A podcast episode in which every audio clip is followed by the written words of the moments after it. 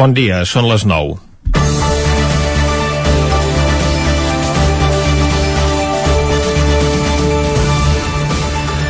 L'autèntic temporal Àlex del cap de setmana no ha estat el que ens pronosticava el nostre meteoròleg Pep Acosta, sinó el protagonitzat per l'alcalde de Manlleu, que avui iniciarà la tramitació per abandonar el càrrec després que correguessin unes imatges seves begut en una terrassa musical de Platja d'Aro. Àlex Garrido ha estat aquestes últimes setmanes al peu del canó, arran de la complicada situació epidemiològica en què es troba Manlleu. El cribratge massiu al barri de l'Erm i la roda de premsa que va compartir amb l'alcaldessa de Vic i les autoritats de la Catalunya Central per anunciar mesures més restrictives en aquestes dues ciutats li han donat protagonisme mediàtic. I aquesta ha estat la pólvora que ha detonat la propagació d'un vídeo que algú que tenia ben a prop va gravar durant l'estiu en què es veia com el personal de seguretat de la sala el feia marxar atès el seu estat sense que aquest en cap moment causés cap conflicte ni oposés resistència com tanmateix és el seu tarannà. La difusió de les imatges que van publicar algunes webs divendres a la tarda va provocar la reacció immediata del ja exalcalde d'Esquerra Republicana que al vespre anunciava la dimissió reconeixent un error que se circunscriu al seu àmbit privat. L'episodi ha obert un debat sobre quins són els límits a la conducta dels governants, on acaba la vida pública i on comença la privada, i si tenen el dret o no de cometre una actuació d'aquest tipus quan no estan en l'exercici del seu càrrec. A vegades sembla que siguem més intransigents quan un polític protagonitza un episodi d'aquestes característiques que no pas en un cas de corrupció. Els seus companys a la secció local del partit li han demanat que reconsideri el fet de dimitir, que en tot cas l'honora en un país on els polítics tendeixen a obviar massa sovint la posada en pràctica d'aquest verb. Alguns malintencionats han volgut comparar el cas d'Àlex Garrido amb el protagonitzat a Barcelona per Àlex Pastor, però no tenen res a veure. Garrido no va fer mal a ningú amb la seva conducta reprovable, però el que era alcalde socialista de Badalona té una causa penal oberta perquè conduïa sota els efectes de l'alcohol, havia trencat el confinament municipal en ple estat d'alarma i va passar la nit a comissaria després d'haver agredit els agents dels Mossos que el van detenir.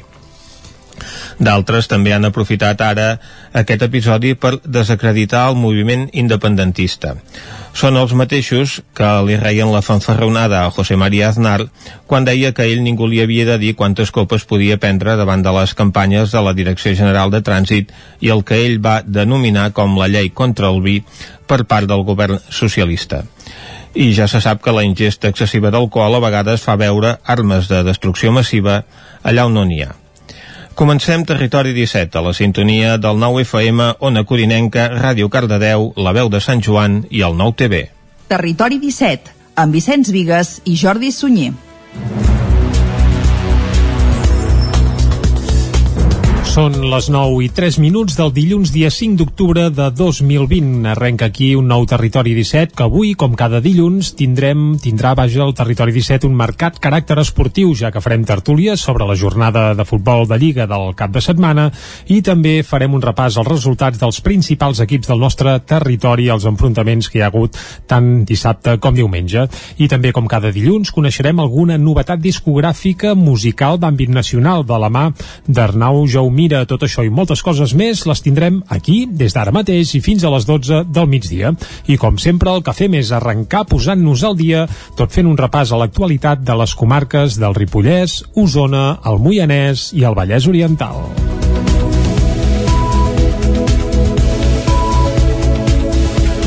L'alcalde de Manlleu, Àlex Garrido, renuncia al càrrec de manera irrevocable després que es fes públic un vídeo en què se'l veu ebri en un entorn de festa. Ho va anunciar divendres al vespre en un comunicat fet públic a través del compte de Twitter d'Esquerra Manlleu. Àlex Garrido hi afirmava que sempre ha defensat que els representants públics han de ser exemplars fins i tot en els fets que circumscriuen a la seva vida privada com és el cas. En una entrevista que publica avui el 9-9, Garrido diu que el vídeo l'avergonyeix, que era conscient que existia la gravació gravació que es va fer fa dos mesos, però que tot i així no temia que es divulgués. Al darrere de la difusió del vídeo que ha circulat per grups de WhatsApp, xarxes socials i que va ser notícia en diversos mitjans de comunicació, Garrido hi veu una possible maniobra política ho qualifica de mala praxi amb la voluntat de destruir un alcalde i un partit que està fent bé les coses i ressalta que el missatge que ha sortit als mitjans de comunicació espanyols posa èmfasi en que ell és un alcalde independentista. Afegeix que la decisió de plegar és totalment personal i que el partit no li ha demanat que ho faci. Garrido va entrar a l'Ajuntament l'any 2011 com a regidor d'Educació i Cultura. Era alcalde des de l'any 2015. Un cop hagi pre presentat la renúncia formal a la secretaria de l'Ajuntament, el proper ple, el dia 26 d'octubre, l'haurà de prendre en consideració. Caldrà veure qui el substitueix al capdavant del consistori. A la llista d'Esquerra a les últimes eleccions, la número 2 era Maria Josep Palomar, però la primera tinença d'alcaldia l'ostenta Enric Vilaragut, regidor de Serveis Territorials, que seria qui agafaria l'alcaldia en funcions les properes setmanes.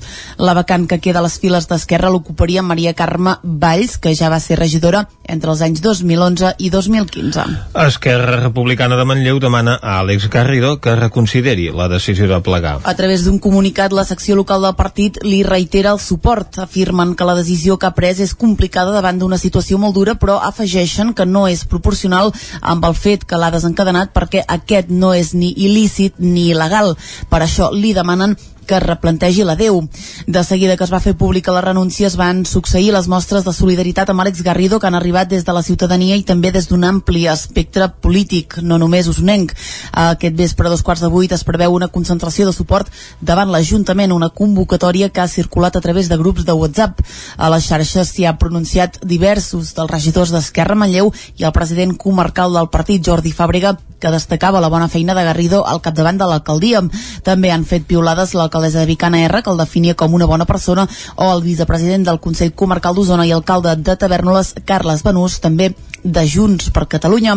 Alhora han mostrat el suport a Garrido als diferents grups de l'Ajuntament manlleuenc que circumscriuen el vídeo que ha acabat amb la dimissió a l'àmbit personal i privat pel que fa als canvis obre el govern amb la investidura d'un nou alcalde o alcaldessa, Junts per Catalunya, que comparteix govern amb Esquerra, el PSC i la CUP coincideixen en què caldrà parlar-ne i valorar la proposta que presentin els republicans. El carrer del general franquista Sánchez Fuensanta de Ripoll passarà a dir-se dels ferroviaris per complir amb la llei de memòria històrica. Des de la veu de Sant Joan ens n'informa Isaac Muntades. Tot apunta que el carrer General Sánchez Fuensanta de Ripoll canviarà el seu nom ben aviat i passarà a dir-se carrer dels Ferroviaris. En la darrera sessió plenària de l'Ajuntament, el portaveu de l'Alternativa per Ripoll CUP, Aitor Carmona, va demanar si aquest tema es desencallaria en algun moment d'aquest mandat perquè tenia por que el consistori s'ho acabés emportant a la tomba. Cal recordar que la demanda de canviar el nom del carrer d'un general franquista, el qual va facilitar la construcció dels dos blocs de pisos d'aquella zona pròxima a l'estació a finals de la dècada dels 60 del segle passat, ve de lluny. La CUP de Ripoll ho va proposar en una moció presentada el mes de març de l'any 2016 i des de llavors la crispació als plens ha estat recurrent, ja que alguns veïns no estaven d'acord amb el canvi de nom per motius sentimentals. La regidora de Cultura, Montsina Llimós, va reconèixer que aquest tema s'estava allargant massa, però que en principi els veïns ja tenien més o menys clara la nomenclatura del carrer. Vull ser molt clara que ells tenen interès en poder-ho solucionar, el que passa que ara la situació impedeix que es puguin reunir, fer l'assemblea. Està assumit que hi haurà el canvi de nom, tot apunta que serà el carrer dels ferroviaris, però ara tampoc volen imposar-ho d'una manera així sobtada, això jo crec que ja va ser massa sobtat que se'ls tragués el nom del carrer i això va portar doncs, una crispació al meu parer innecessària. Ara tenim clar doncs, que el carrer General Fuensanta amb, amb l'informe de memòria històrica doncs, no, no continuarà tenint aquest nom i jo crec que és qüestió de que ho puguem fer mínimament bé per tots, per la tranquil·litat de tots, doncs que, que puguin triar entre els tres noms que queden. Cal recordar que l'Ajuntament de Ripoll va rebre la resolució del Memorial Democràtic de Catalunya el mes d'octubre del 2019, ara farà un any, en què deia que el nom del carrer havia de complir la llei de la memòria històrica i havia de suprimir qualsevol reminiscència al franquisme. Aquesta mesura s'havia demanat perquè en el seu moment els veïns del carrer Fuensanta van presentar alguns noms a la comissió del nomenclàtor que abocaven a un record clar del franquisme, tot dient que Fuensanta referia a la verge del Fuensanta, el nom de la primera treballadora ferroviària o amb un intent de catalanitzar el nom a Fontsanta. Les catifes de flors a Caldes celebren els 25 anys amb la inauguració d'una exposició de fotografies i una xerrada sobre el recorregut de l'entitat organitzadora Acció Cívica Calderina. Caral Campàs, des d'Ona Codinenca. Unes 30 persones van assistir a l'acte central de la celebració aquest diumenge al Casino de Caldes amb la inauguració d'una exposició de fotografies i una xerrada on van poder repassar abastament el recorregut de l'entitat al llarg dels anys. La pandèmia ha obligat a posposar aquests actes que inicialment s'havien de realitzar coincidint amb la celebració de Corpus el passat juny. Malgrat tot, recentment han pogut engegar els actes de festeig presentant també fa unes setmanes el llibre Corpus, Flors, Colors i Festa. L'exposició fotogràfica inaugurada celebrada ahir vol ser un recordatori als difunts que havien format part de la comissió de Corpus. Vicenta Pallarès és presidenta d'Acció Cívica Calderina. Es conegui i sobretot és, eh, diguem-ne, un, una espècie de, no, no diré homenatge, que no seria això, però sí que és un recordatori molt viu de totes les persones que sent de la Comissió de Corpus ens han deixat aquests 25 anys.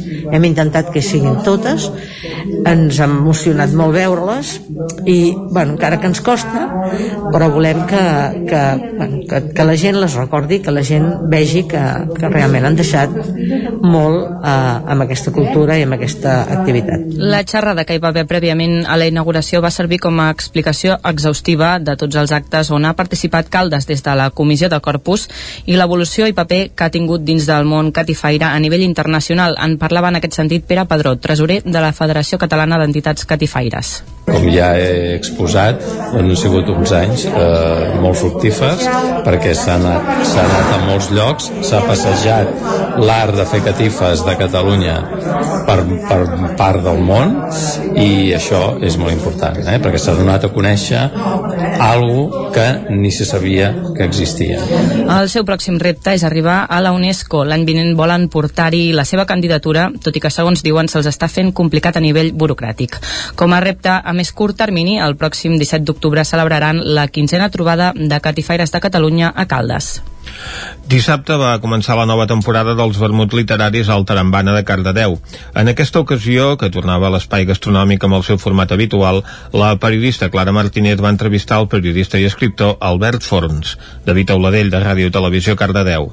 La periodista organitzadora dels vermuts literaris Clara Martínez Clavell va voler encarar la temporada a autors locals o de la comarca per presentar les seves novel·les. Per aquest motiu va començar amb Albert Forns, periodista de Granollers dedicat a l'escriptura.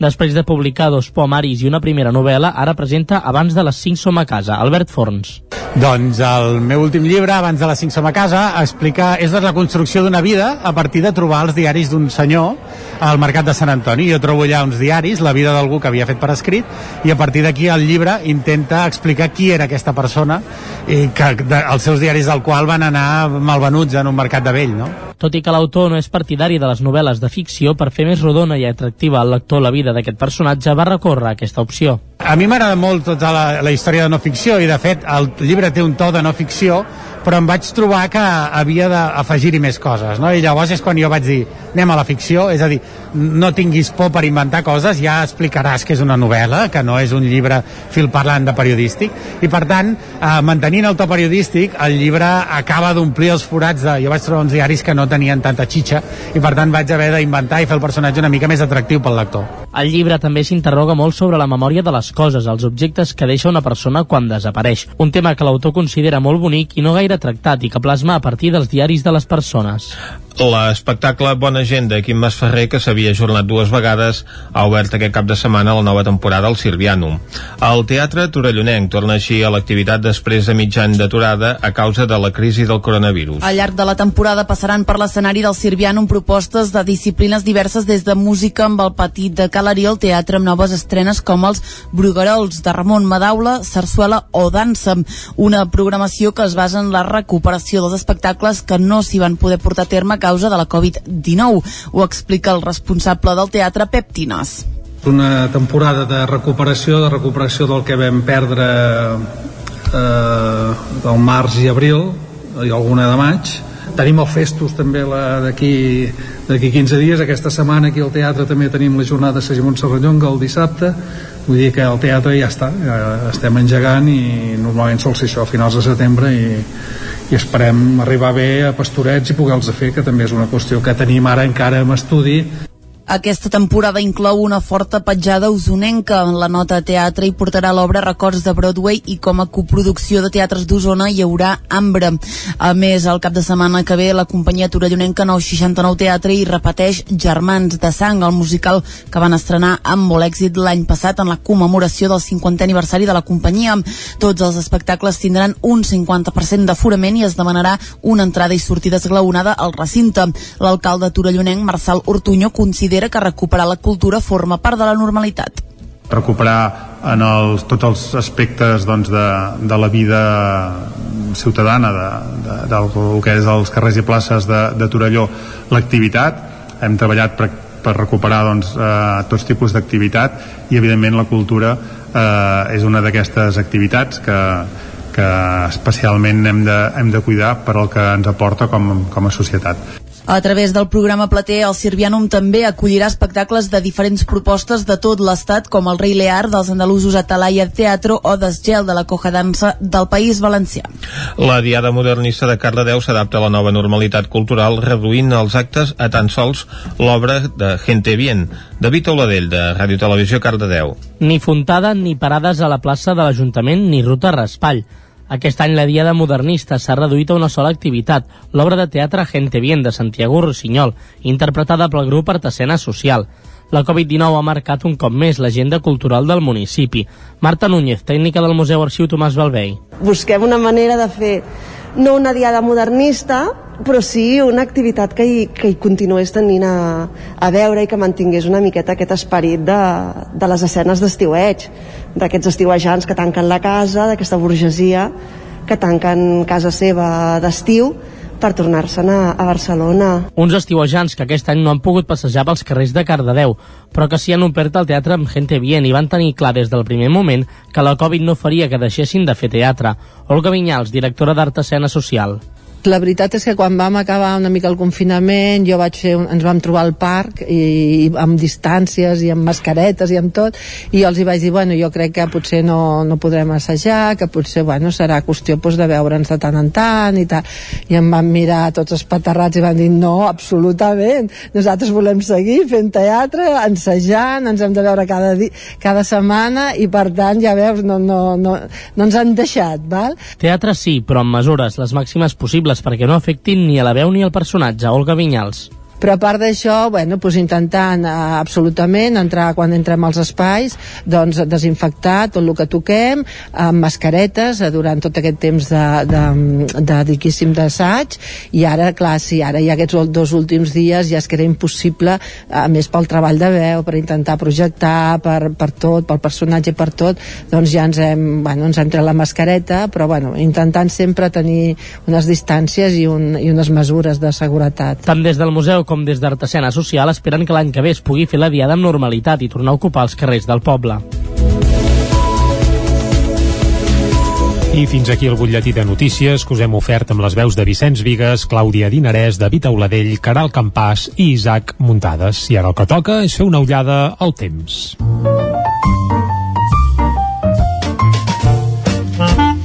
Casa Terradellos us ofereix el temps. I a Territori 17 parlar del temps és parlar amb el Pep Acosta. Pep, molt bon dia. Hola, molt bon dia. Bona hora. Què tal esteu? Bé. Comença la primera setmana mm. sencera d'aquest eh, mes d'octubre de l'any 2020 i ho fa després d'un cap de setmana meteorològicament parlant molt intens el divendres vam tenir precipitacions. Va ser, és que va ser un cap de setmana gairebé calcat a l'últim de, de setembre. Gairebé calcat, eh? un cap de setmana de tardor sí, avançada, dir, gairebé d'hivern. Eh?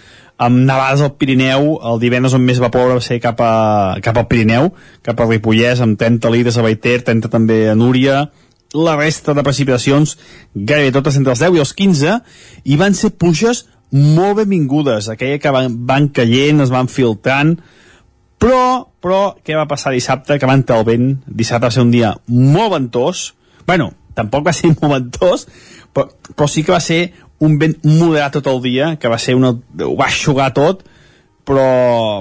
I clar, el que havia pogut divendres, el dissabte el vent ho va aixugar completament tot, però va ser un dia jo crec que bastant molest perquè fa el vent, a mi el vent és l'element meteorològic poder que més em molesta i va bufar molt eh, durant tot el dia, amb cops moderats de 40, 50, 60 km per hora i a més molt sostingut. Gairebé tot el dia eh, va bufar aquest vent dissabte. I ahir diumenge ja vam tenir un dia bastant més tranquil, amb poques precipitacions, i no, en cap, en cap precipitació, perdó, cap, i va ser un dia, com deia, molt més tranquil i més suau, tot i que les temperatures al cap de setmana han estat força baixes, sobretot les, les nocturnes, aquesta antena vent de nord s'ha notat molt, sobretot a les nits, amb mínimes per sota dels 0 graus, sobretot a les zones més altes, fins i tot el peritoral, el, el Pirineu cal dir-ho, però les valls, també les zones poblades, per sota dels 5 graus, a la Plana de Vic, també al Moianès, i sobretot també cap a les zones més fredes del Ripollès s'han baixat aquests 5 graus i avui també s'ha baixat aquests 5 graus eh? el fred continua ben viu a les nits de dia temperatura més suau entre els 15 i els 20 graus les màximes durant tot el cap de setmana. Deixem de parar el passat, deixem de parar aquesta pertorbació que ens ha afectat el cap de setmana i ens sentem en el dia d'avui. Doncs va, anem Com deia, avui mm. també ens han llevat amb unes temperatures mínimes força baixes, estan entre els 5 i els 10 graus al prelitoral, per sota dels 5 eh, cap a la Plana Vic, també cap al Moianès, i a les zones més fredes del Pirineu estan per sota dels 0 graus. Per tant, està glaçant, avui ha glaçat aquesta nit cap al Pirineu. Avui serà un dia eh, bastant, bastant tranquil, tot i que la inestabilitat no marxa del tot uh, anem a pams, anem a pams, perquè comencem al matí amb alguna boirina, alguna... ja boires, perquè ja, i les nits ja són molt llargues, ja es comencen a formar algunes boires a les zones més clàssiques, com a, a la plana de Vic, uh Mhm. -huh. i les temperatures, com deia, són baixes, baixes ara mateix. Brilla el sol, no hi ha gaires núvols, però de cara a la tarda sí que es poden formar algunes nuvolades cap a la zona de les Guilleries, també en Montseny, i no és impossible que caigui alguna gota a la, resta de les nostres comarques també la nuvolositat de cada tarda anirà més, anirà més, tot i que difícilment plourà fora de les zones de muntanya. Les temperatures seran una mica més altes de les d'ahir. La majoria de les màximes entre els 20, 21, 22 graus a tot estirar. Unes temperatures jo crec que una mica més baixes per l'època de l'any, però no s'han ni de bon tros tan baixes com el cap de setmana pel que fa a les màximes i cap a la zona del Pirineu no és impossible també que hi hagi alguna petita nevada a partir de 2.200 2.300 metres Mhm. mm -hmm. moltíssimes gràcies i ens trobem demà adeu, bon dia Doncs vinga, Pep, moltes gràcies i nosaltres ara el que farem és anar cap al quiosc. Casa Tarradellas us ha ofert aquest espai. Territori 17 Anem ràpidament cap al quiosc per saber què és el que treuen en portada els diaris d'avui. Clàudia. Bon dia de nou, comencem amb el 9-9, eh, comencem amb l'edició d'Osona i el Ripollès, amb una entrevista a l'alcalde de Manlleu, Àlex Garrido, que diu hi ha hagut voluntat de destruir un alcalde i un partit que ho està fent bé. Uh, I hem dit, doncs, que uh, tot el que ha passat aquest cap de, setmana, cap de setmana. exactament, és una entrevista que, que l'alcalde de Manlleu doncs, s'ha donat al 9-9 després de denunciar la seva renúncia per la difusió d'un vídeo en què se'l veia begut. A la portada hi veiem també el Voltregà gole- goleja el Vic en un derbi atípic i Osona impulsa la masoveria urbana per ampliar l'oferta d'habitatge de lloguer assequible. A l'edició del Vallès Oriental diu famílies de 10 municipis del Vallès s'organitzen per demanar la jornada escolar contínua. Hi ha grups a Caldes, Cardedeu, Granollers, Lliçà, Mollet o Sant Celoni, entre d'altres. A la, a la imatge de la portada torna al futbol però a porta tancada i el descens de l'atur al setembre compensa la pujada forta de l'agost. Anem a veure què treuen en portada els diaris catalans. Comencem amb el punt avui que diu marcant perfils. A quatre mesos de les eleccions, l'independentisme evidencia la seva diversitat. Junts s'erigeix com a garantia d'un govern independentista. A la imatge, el Sevilla frena el Barça. L'equip de Koeman continua creixent contra un rival en ratxa. També entrevisten a Jordi Pessarrodon, activista exregidor d'Esquerra, condemnat per desobediència durant el referèndum de l'1 d'octubre, que diu més sentit sol com els altres represaliats. Anem al diari ara que diu l'hospitalització de Trump impulsa Biden. Les primeres enquestes després del contagi amplien l'avantatge del candidat demòcrata. El reportatge, la imatge de la portada diu les UCI en alerta. Metges i infermeres de l'UCI catalana avisen que un augment dels casos de Covid-19 com el de Madrid seria molt complicat de gestionar per l'esgotament dels sanitaris. Una de les exclusives de, de l'ara ja la van fer pública aquest diumenge a través de les xarxes. Diu Quim Arrufat se'n va anar de la CUP amb una denúncia interna per agressió sexual. També entrevisten a Raül Romeva, exconseller d'Exteriors, que diu les eleccions aniran d'alguna cosa més que d'independència. El periòdico Junts insta els Mossos a tolerar la desobediència el partit fa una crida als poders públics per ser còmplices en la confrontació amb l'Estat. Matías Carnero, president del comitè d'empresa de SEAT, diu que SEAT fabricarà un nou cotxe elèctric a Martorell potser l'any 2027. A la imatge del portal hi veiem les noies del Barça, primera divisió femenina, que diu el Barça arrasa el Madrid en el primer clàssic. Va quedar 0 a 4 i els metges residents en lluita després de mesos de pandèmia. A l'avantguàrdia, el PP confia la sort d'Ayuso a la decisió de l'Audiència Nacional.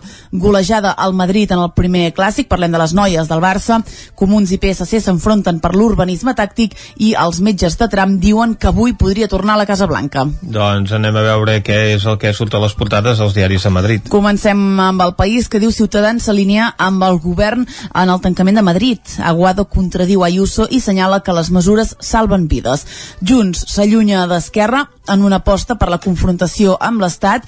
A la imatge veiem Trump, diu els metges eh, veuen a Trump quasi bé a punt per tornar a la Casa Blanca, en un eh, dels moments que va sortir per saludar a la gent uh -huh. i els científics es rebel·len contra els polítics. 55 societa societats de metges investigadors demanen que les decisions es basin en la ciència i no en l'enfrontament partidista.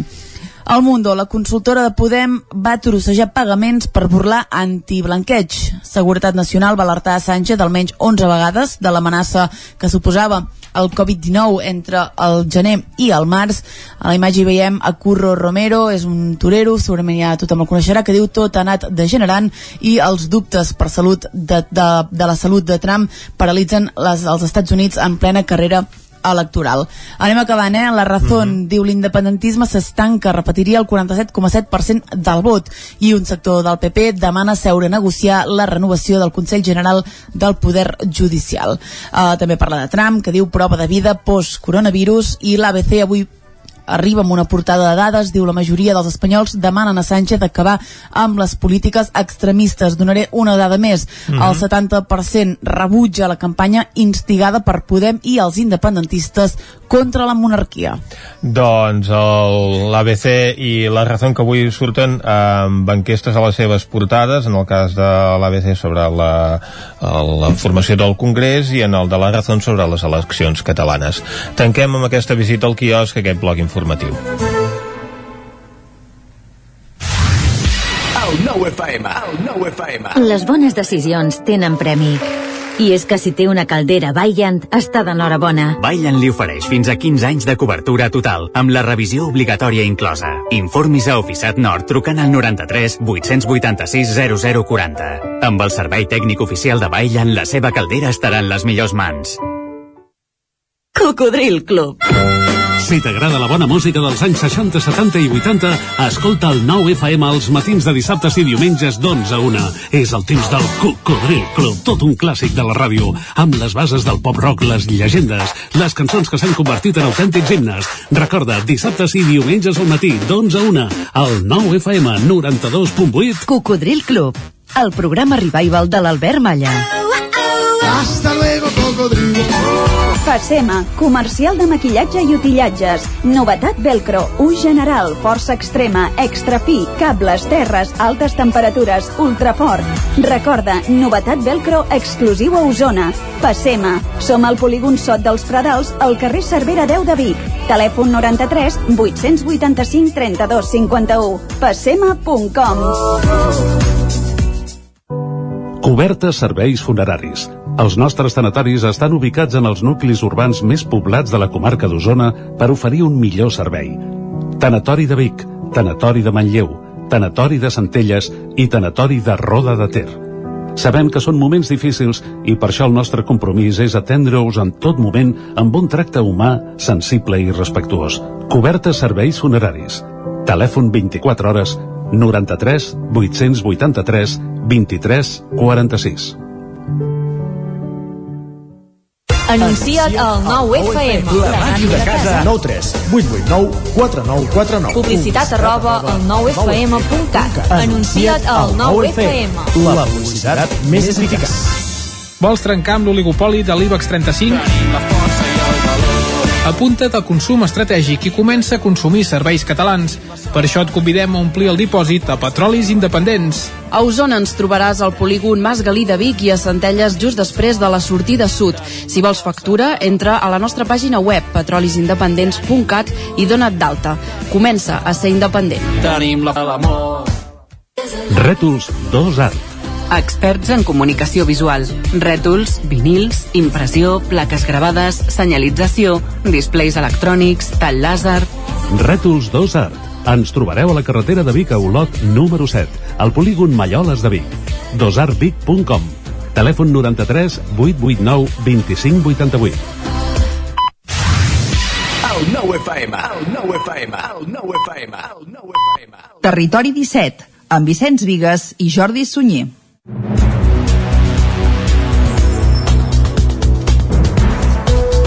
Són dos quarts de deu en punt d'avui dilluns, dia 5 d'octubre de 2020 i seguim aquí en directe a Territori 17 i el que farem ara és acostar-vos de nou tota la informació de les nostres comarques. Ja ho sabeu, les comarques del Ripollès, Osona, el Moianès i el Vallès Oriental.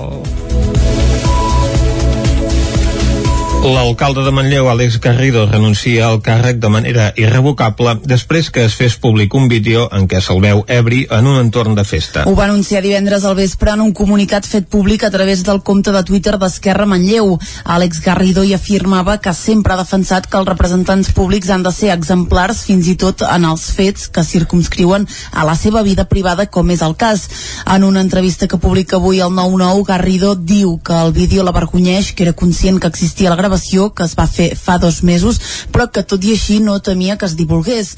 Al darrere de la difusió del vídeo que ha circulat per grups de WhatsApp, xarxes socials i que va ser notícia en diversos mitjans de comunicació, Garrido hi veu una possible maniobra política ho qualifica de mala praxi amb la voluntat de destruir un alcalde i un partit que està fent bé les coses i ressalta que el missatge que ha sortit als mitjans de comunicació espanyols posa èmfasi en que ell és un alcalde independentista.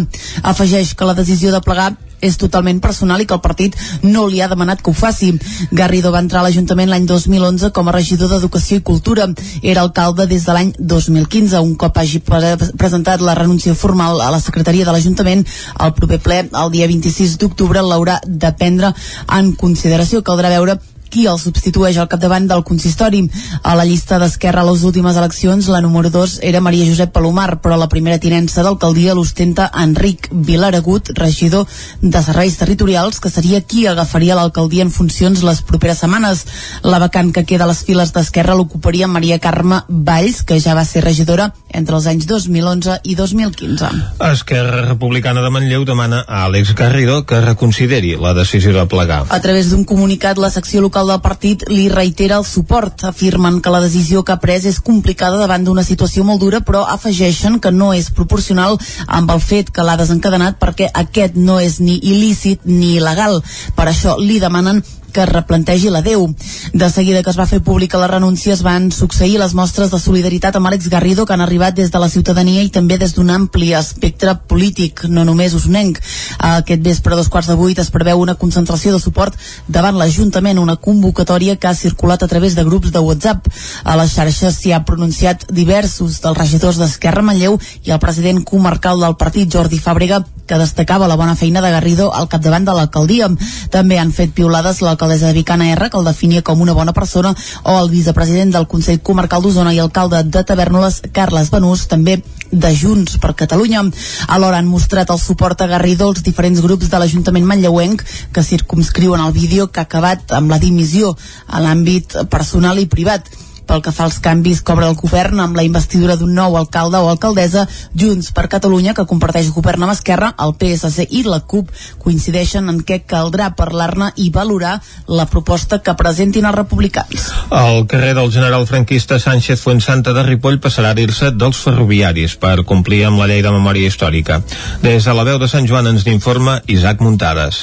Tot apunta que el carrer General Sánchez Fuensanta de Ripoll canviarà el seu nom ben aviat i passarà a dir-se carrer dels Ferroviaris. En la darrera sessió plenària de l'Ajuntament, el portaveu de l'Alternativa per Ripoll CUP, Aitor Carmona, va demanar si aquest tema es desencallaria en algun moment d'aquest mandat perquè tenia por que el consistori s'ho acabés emportant a la tomba. Cal recordar que la demanda de canviar el nom del carrer d'un general franquista, el qual va facilitar la construcció dels dos blocs de pisos d'aquella zona pròxima a l'estació a finals de la dècada dels 60 del segle passat, ve de lluny. La CUP de Ripoll ho va proposar en una moció presentada el mes de març de l'any 2016 i des de llavors la crispació als plens ha estat recurrent, ja que alguns veïns no estaven d'acord amb el canvi de nom per motius sentimentals. La regidora de Cultura, Montsina Llimós, va reconèixer que aquest tema s'estava allargant massa, però que en principi els veïns ja tenien més o menys clara la nomenclatura del carrer. Vull ser molt clara que ells tenen interès en poder-ho solucionar, el que passa que ara la situació impedeix que es puguin reunir a l'assemblea. Està assumit que hi haurà el canvi de nom, tot apunta que serà el carrer dels ferroviaris, però ara tampoc volen imposar-ho d'una manera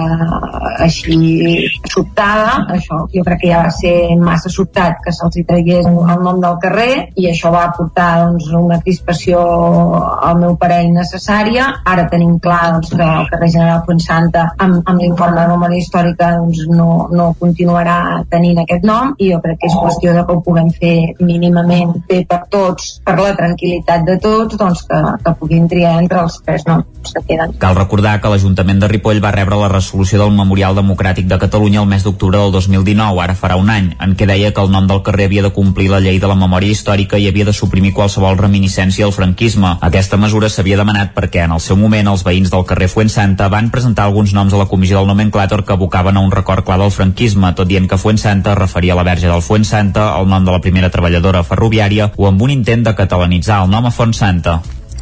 Les catifes de flors a Caldes celebren els 25 anys amb la inauguració d'una exposició de fotografies i una xerrada sobre el recorregut de l'entitat organitzadora Acció Cívica Calderina.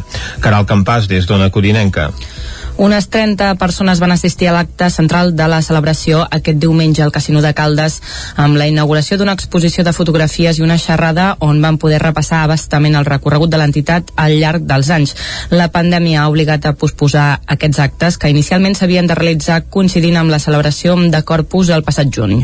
Malgrat tot, recentment han pogut engegar els actes de festeig presentant també fa unes setmanes el llibre Corpus, Flors, Colors i Festa. L'exposició fotogràfica inaugurada inaugurada ahir vol ser un recordatori als difunts que havien format part de la comissió de Corpus. Vicenta Pallarès és presidenta d'Acció Cívica Calderina es conegui. I sobretot és eh, diguem-ne un, una espècie de, no, no diré homenatge que no seria això, però sí que és un recordatori molt viu de totes les persones que sent de la Comissió de Corpus ens han deixat aquests 25 anys. Hem intentat que siguin totes. Ens ha emocionat molt veure-les i bueno, encara que ens costa però volem que, que, que, que la gent les recordi que la gent vegi que, que realment han deixat molt eh, amb aquesta cultura i amb aquesta activitat. La xerrada que hi va haver prèviament a la inauguració va servir com a explicació exhaustiva de tots els actes on ha participat Caldes des de la Comissió de Corpus i l'evolució i paper que ha tingut dins del món catifaire a nivell internacional. En parlava en aquest sentit Pere Padró, tresorer de la Federació Catalana d'Entitats Catifaires. Com ja he exposat, han sigut uns anys eh, molt fructífers perquè s'ha anat, anat a molts llocs, s'ha passejat l'art de fer catifes de Catalunya per, per part del món i això és molt important eh? perquè s'ha donat a conèixer algo que ni se sabia que existia. El seu pròxim repte és arribar a la UNESCO. L'any vinent volen portar-hi la seva candidatura, tot i que segons diuen se'ls està fent complicat a nivell burocràtic. Com a repte a més curt termini, el pròxim 17 d'octubre celebraran la quinzena trobada de catifaires de Catalunya a Caldes. Dissabte va començar la nova temporada dels vermuts literaris al Tarambana de Cardedeu.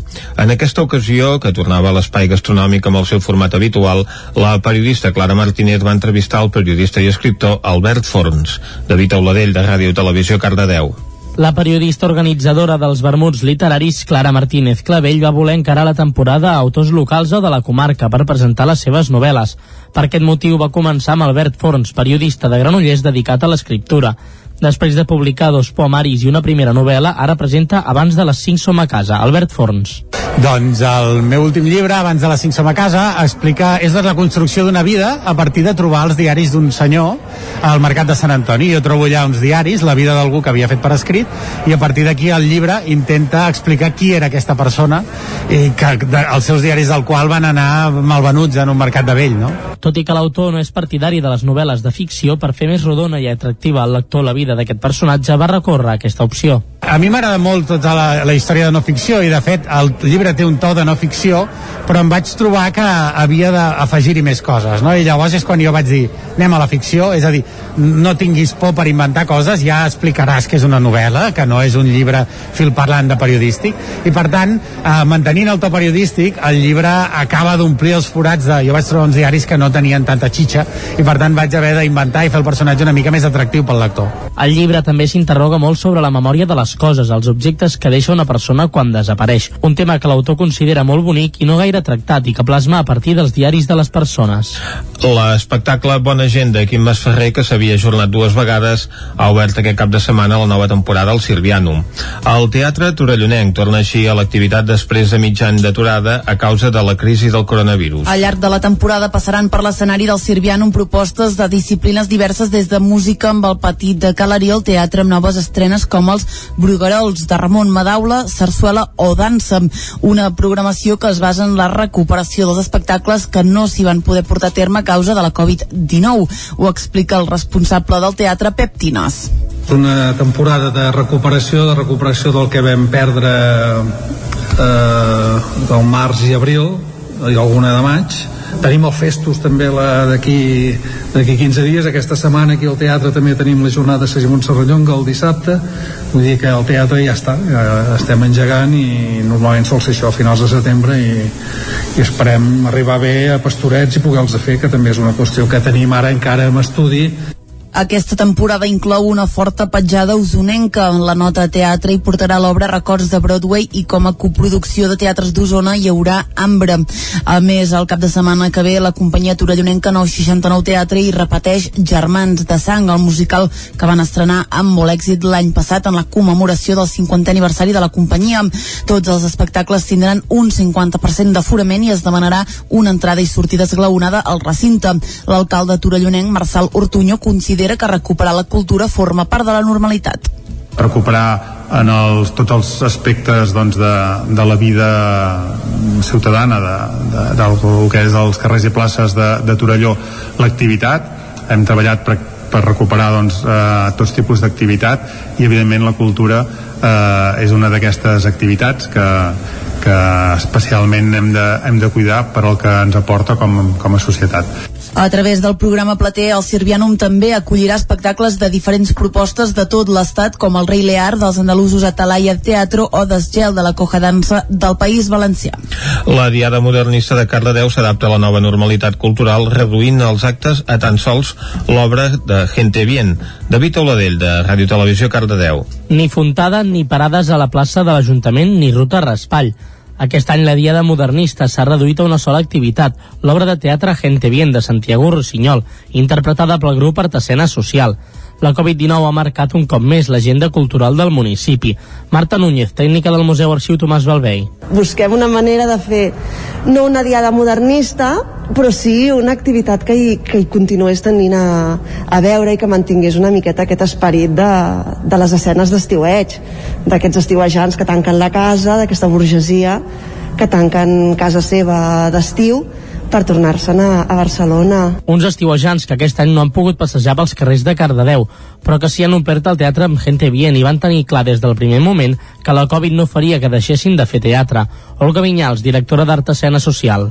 La veritat és que quan vam acabar una mica el confinament jo vaig fer, un, ens vam trobar al parc i, i amb distàncies i amb mascaretes i amb tot i jo els hi vaig dir, bueno, jo crec que potser no, no podrem assajar, que potser bueno, serà qüestió pues, de veure'ns de tant en tant i tal, i em van mirar tots espaterrats i van dir, no, absolutament. Nosaltres volem seguir fent teatre ensajant, ens hem de veure cada, di cada setmana i per tant ja veus, no, no, no, no ens han deixat val? Teatre sí, però amb mesures, les màximes possibles perquè no afectin ni a la veu ni al personatge. Olga Vinyals però a part d'això, bueno, doncs intentant eh, absolutament entrar quan entrem als espais doncs desinfectar tot el que toquem amb mascaretes eh, durant tot aquest temps de, de, de diquíssim d'assaig i ara, clar, sí, ara hi ha aquests dos últims dies ja és que era impossible a més pel treball de veu, per intentar projectar per, per tot, pel personatge per tot doncs ja ens hem, bueno, ens hem tret la mascareta però bueno, intentant sempre tenir unes distàncies i, un, i unes mesures de seguretat. Tant des del museu com des d'Artesana Social esperen que l'any que ve es pugui fer la diada amb normalitat i tornar a ocupar els carrers del poble.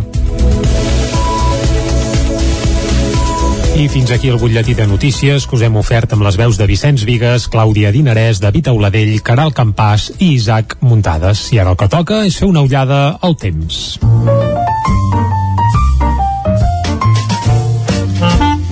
Casa Terradellos us ofereix el temps. I a Territori 17 parlar del temps és parlar amb el Pep Acosta. Pep, molt bon dia. Hola, molt bon dia. Bona hora. Què tal esteu? Bé. Comença la primera setmana mm. sencera d'aquest eh, mes d'octubre de l'any 2020 i ho fa després d'un cap de setmana meteorològicament parlant molt intens el divendres vam tenir precipitacions. Va ser, és que va ser un cap de setmana gairebé calcat a l'últim de, de setembre. Gairebé calcat, eh? un cap de setmana de tardor Sí, avançada, dir, gairebé eh? d'hivern.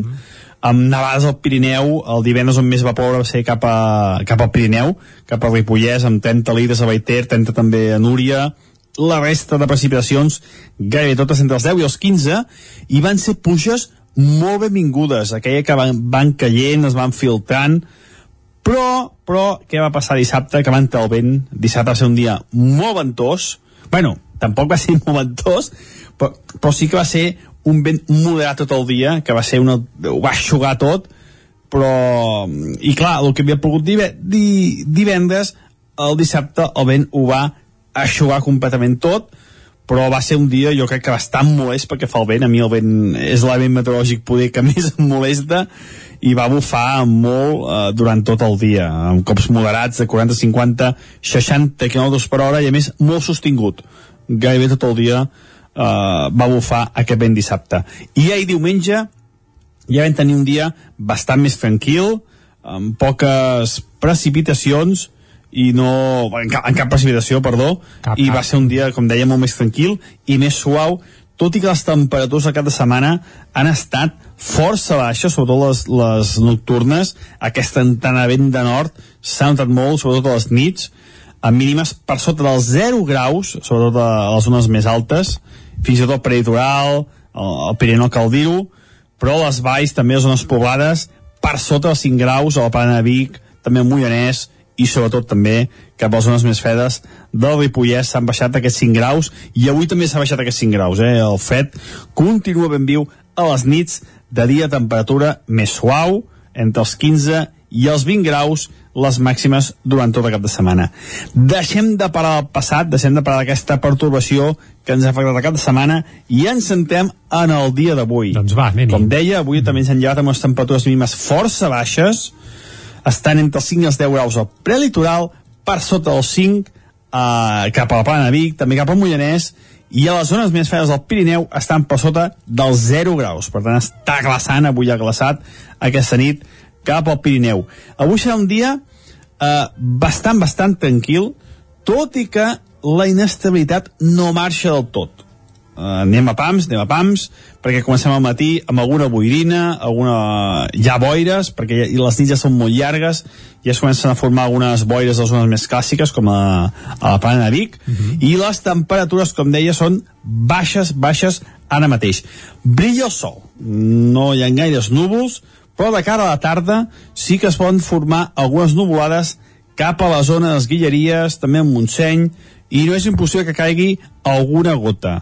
A la, resta de les nostres comarques també la nuvolositat de cada tarda anirà més, anirà més, tot i que difícilment plourà fora de les zones de muntanya. Les temperatures seran una mica més altes de les d'ahir. La majoria de les màximes entre els 20, 21, 22 graus a tot estirar. Unes temperatures jo crec que una mica més baixes per l'època de l'any, però no s'han ni de bon tros tan baixes com el cap de setmana pel que fa a les màximes. I cap a la zona del Pirineu no és impossible també que hi hagi alguna petita nevada a partir de 2.200, 2.300 metres. Uh -huh. Moltíssimes gràcies i ens trobem demà. Adeu, bon dia. Doncs vinga, Pep, moltes gràcies i nosaltres ara que farem és anar cap al quiosc. Casa Tarradellas us ha ofert aquest espai.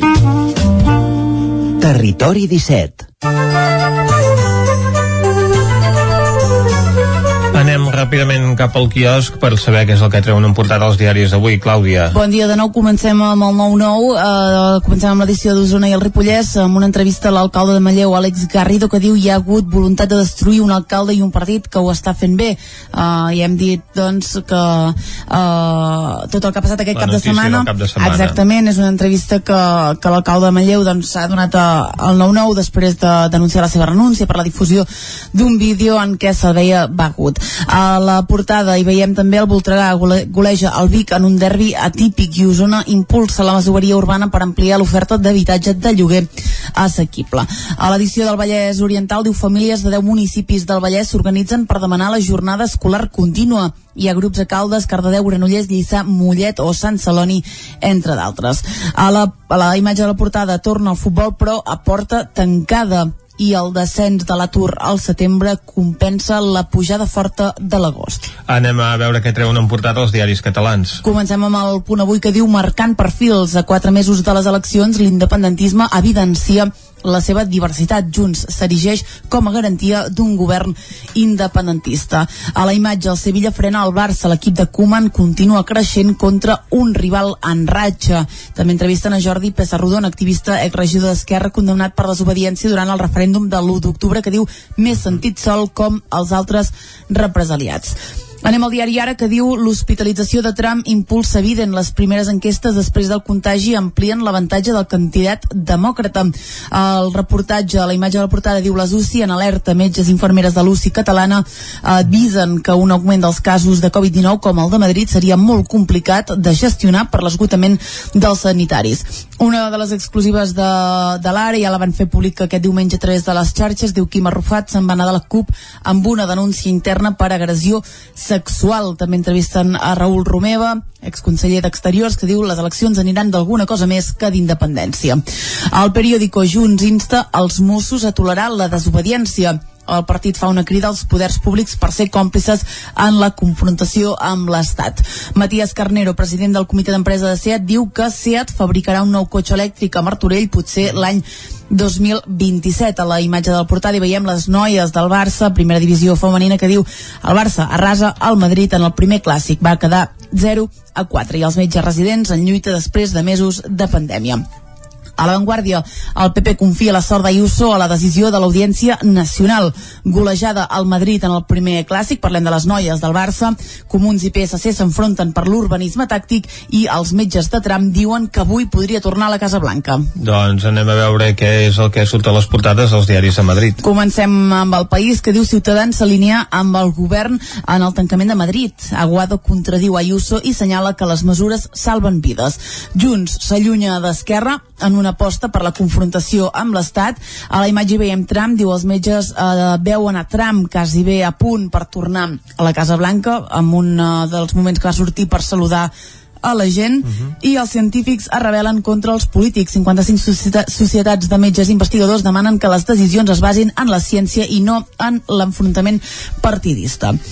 El Mundo, la consultora de Podem va trossejar pagaments per burlar antiblanqueig. Seguretat Nacional va alertar a Sánchez almenys 11 vegades de l'amenaça que suposava el Covid-19 entre el gener i el març. A la imatge hi veiem a Curro Romero, és un torero, segurament ja tothom el coneixerà, que diu tot ha anat degenerant i els dubtes per salut de, de, de la salut de Trump paralitzen les, els Estats Units en plena carrera electoral. Anem acabant, eh? La Razón mm -hmm. diu l'independentisme s'estanca, repetiria el 47,7% del vot i un sector del PP demana seure a negociar la renovació del Consell General del Poder Judicial. Uh, també parla de Trump, que diu prova de vida post-coronavirus i l'ABC avui arriba amb una portada de dades, diu la majoria dels espanyols demanen a Sánchez acabar amb les polítiques extremistes. Donaré una dada més. Mm -hmm. El 70% rebutja la campanya instigada per Podem i els independentistes contra la monarquia. Doncs l'ABC i la Razón que avui surten amb enquestes a les seves portades, en el cas de l'ABC sobre la, la formació del Congrés i en el de la Razón sobre les eleccions catalanes. Tanquem amb aquesta visita al quiosc aquest bloc informatiu informatiu. Doncs, Vicenç, tanquem, com bé dius, aquest bloc informatiu i obrim el bloc musical. Doncs som-hi. Uh, bé, i avui portem un parell de cançons del Roger Usart, que ha estat un dels protagonistes musicals del cap de setmana, més que res perquè divendres va estrenar el seu nou disc, Llamp de Bosc, en un fantàstic concert a l'Atlàntida de Vic, on, per cert, al final no hi va assistir Marina Rossell, que era Vaja. una, no, era una de les convidades sorprenents que deies, ostres, que hi fa la Marina Rossell un concert del Roger Usart, però es veu que, que vaja, que el Roger és un seguidor, un fan de la veu, sobretot de la Marina, i per una casualitat d'aquelles, doncs... Eh, li va proposar, Marina, et vindria de gust venir a fer una cançó amb mi, la Marina va dir que sí, de seguida, a més, eh? es veu que va ser pim-pam-pum, encantada de la vida, Que no però s'ho va pensar dos cops. el que sí que va fer és pensar-s'ho dos cops a l'hora de venir cap a Vic. Es veu que la situació de la pandèmia, eh, sobretot Vic i Manlleu, recordem que està bé, que actualment s'ha accentuat eh, les mesures de seguretat i tot plegat, la Marina no ho va acabar de veure clar i al final no va ser a Vic. Ah. Quan no és la pandèmia és la boira o si no la neu. Bé, Però als de Barcelona els hi costa sortir de la Meridiana. Uh, bé, ja està, no faré cap més comentari jo en aquest cas, però vaja, el que sí que farem és escoltar un parell de peces uh, del nou disc del Roger, una d'elles és uh, Estralls, que és un tamorràs uh, que si et sembla, doncs escoltem a més aquest a Territori 17 encara no havia sonat, per tant escoltem un fragment d'Estralls una de les peces segurament més encertades del disc. Després, Llamp de Bosc, va.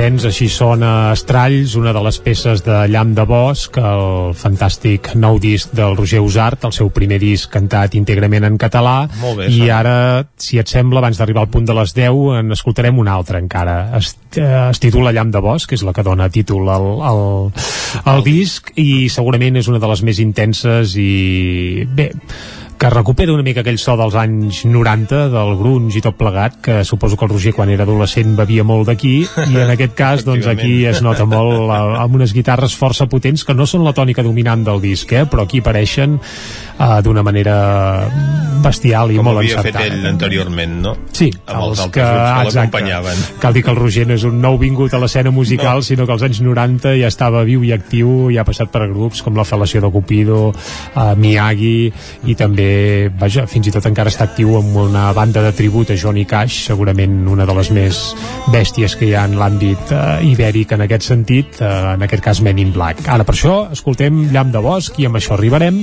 fins a les 10. Fins ara, vinga, seguim.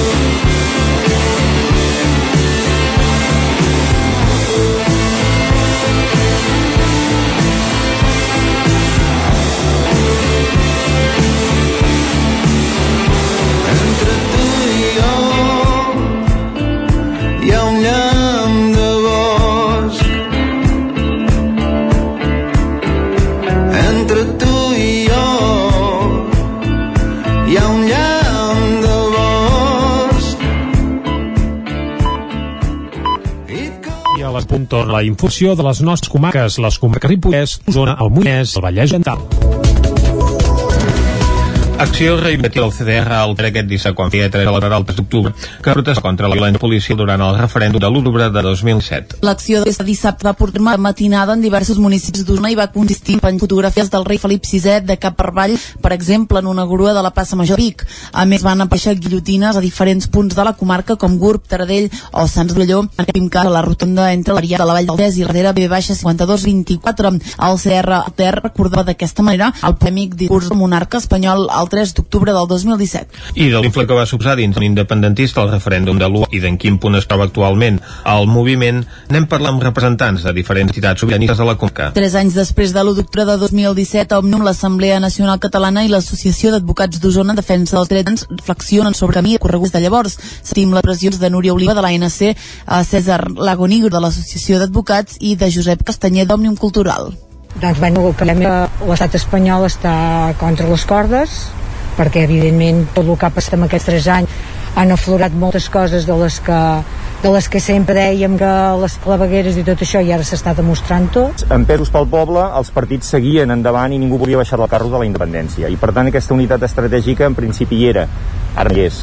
Ara hi ha una desunió absoluta i a més una lluita per al que seria, com va dir el molt honorat Torra, uh, per... El que era indentista fa 3 anys ho és i, i entenc que, que encara n'hi ha encara n'hi ha més. Per què? Perquè també van veient, mira, a veure eh, l'estat que tenim l'estat que tenim al davant, a veure de quina manera tan, tan barruera i tan, i tan antidemocràtica eh, es, es posa.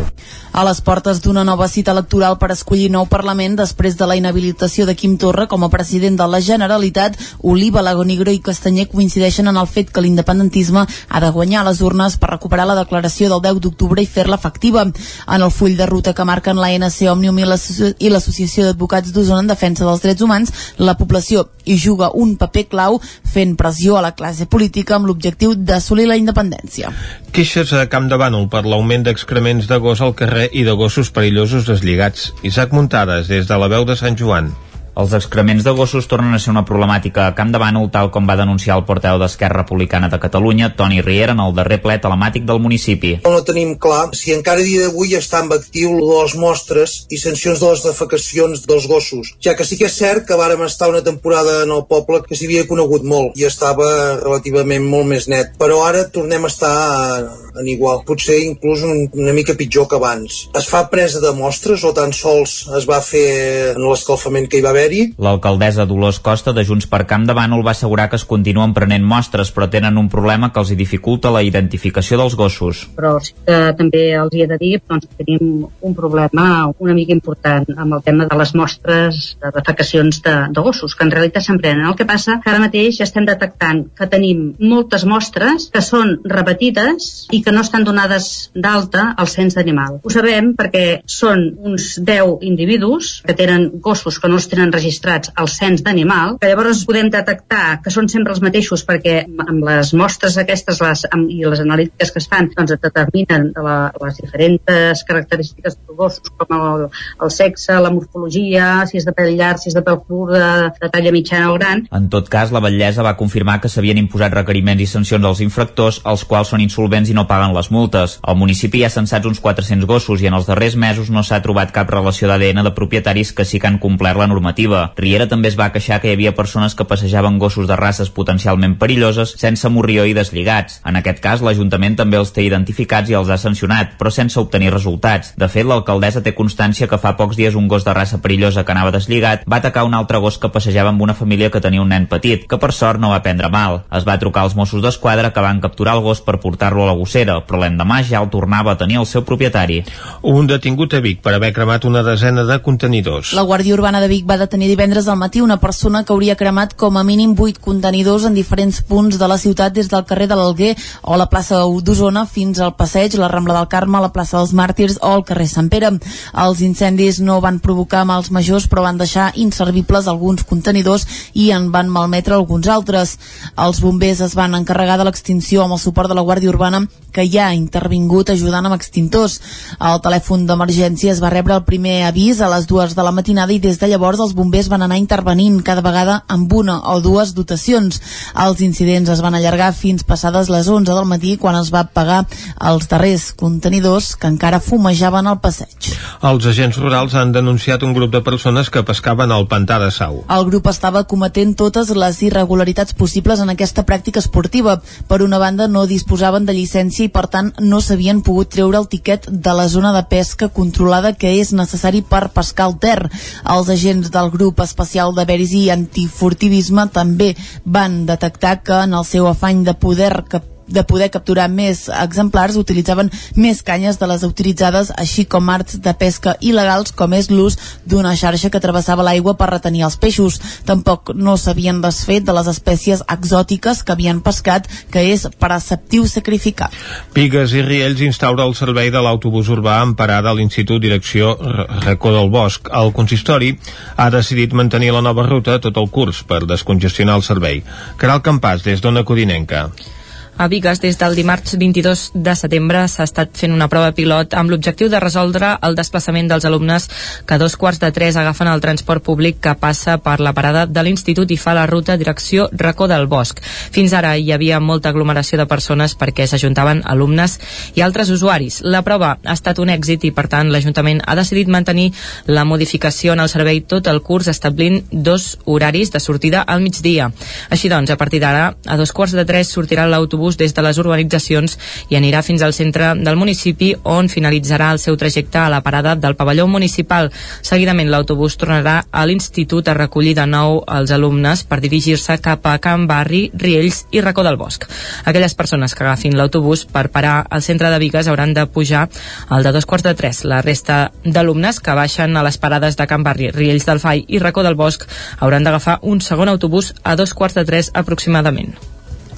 La Diada Modernista de Cardedeu s'adapta a la nova normalitat cultural reduint els actes a tan sols l'obra Gente Bien. David Oladell, de Ràdio Televisió Cardedeu. Ni fontada ni parades a la plaça de l'Ajuntament ni ruta raspall. Aquest any la Diada Modernista s'ha reduït a una sola activitat, l'obra de teatre Gente Bien de Santiago Rossinyol, interpretada pel grup Artesena Social. La Covid-19 ha marcat un cop més l'agenda cultural del municipi.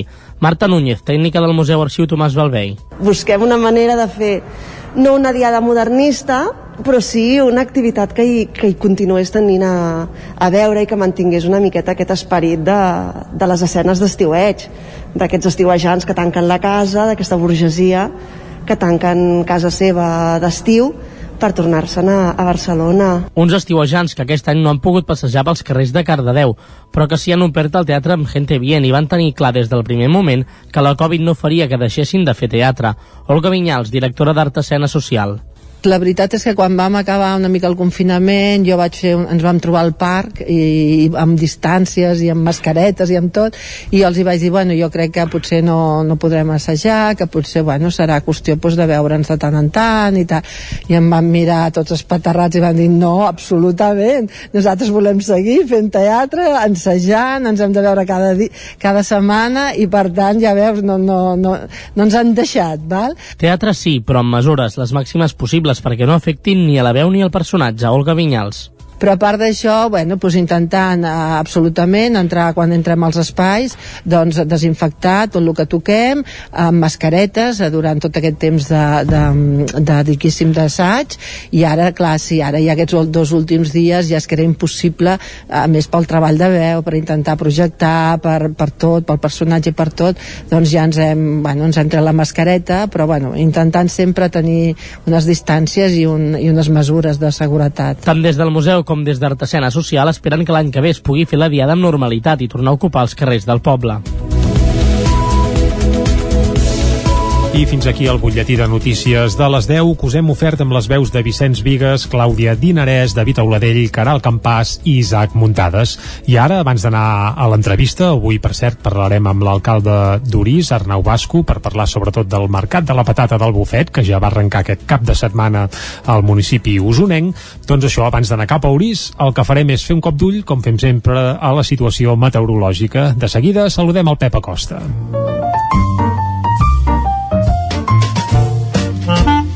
Casa Terradellos us ofereix el temps. Doncs vinga, va, per saber el temps que ens espera per avui, saludem el Pep. Bon dia, Pep. Hola, molt bon dia. I bona hora. Avui també ens han llevat amb unes temperatures mínimes força baixes. Sí. Estan entre els 5 i els 10 graus al prelitoral, per sota dels 5, eh, cap a la plana Vic, també cap al Mollanès, i a les zones més fredes del Pirineu estan per sota dels 0 graus. Per tant, està glaçant, avui ha glaçat aquesta nit cap al Pirineu. Fresca, avui serà un dia eh, bastant, bastant tranquil, tot i que la inestabilitat no marxa del tot.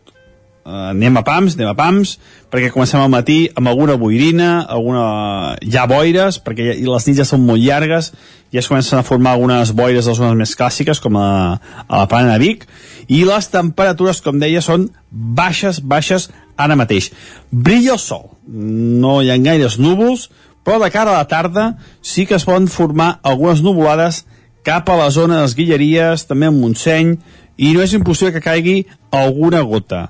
A la, resta de les nostres comarques també la nuvolositat de cada tarda anirà més, anirà més, tot i que difícilment plourà fora de les zones de muntanya. Les temperatures seran una mica més altes de les d'ahir.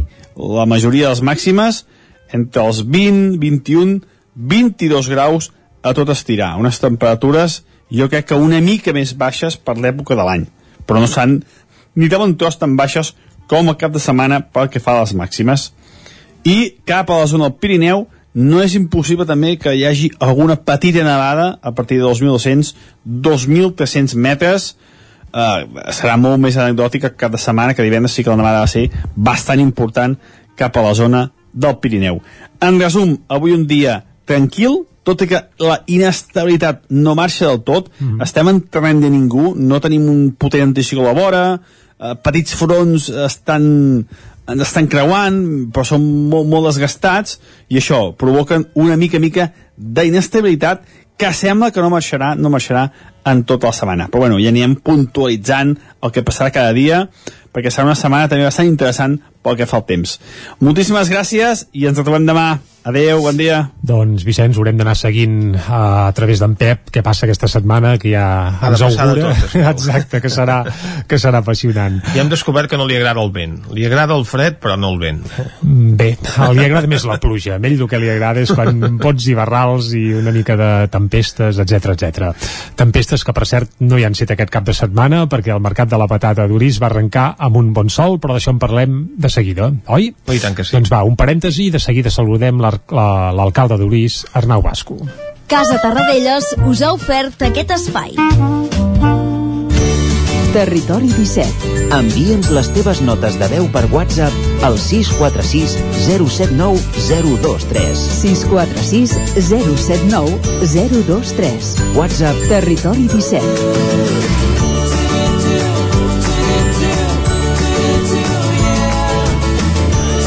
Territori 17. Som a Facebook, Twitter i Instagram amb l'usuari Territori 17.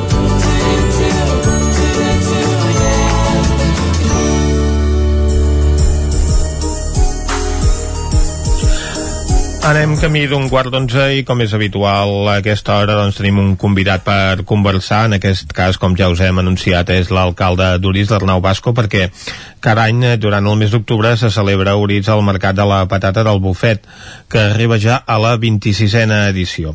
Cada diumenge de 9 del matí a 2 del migdia s'obrirà el mercat davant de la rectoria i volem saber com va anar aquesta primera jornada i com es preveu el mercat d'aquest any. Bon dia, Arnau. Hola, molt bon dia i bona hora. Quines novetats trobem aquest any derivades de la situació de pandèmia en el mercat de la patata del bufet?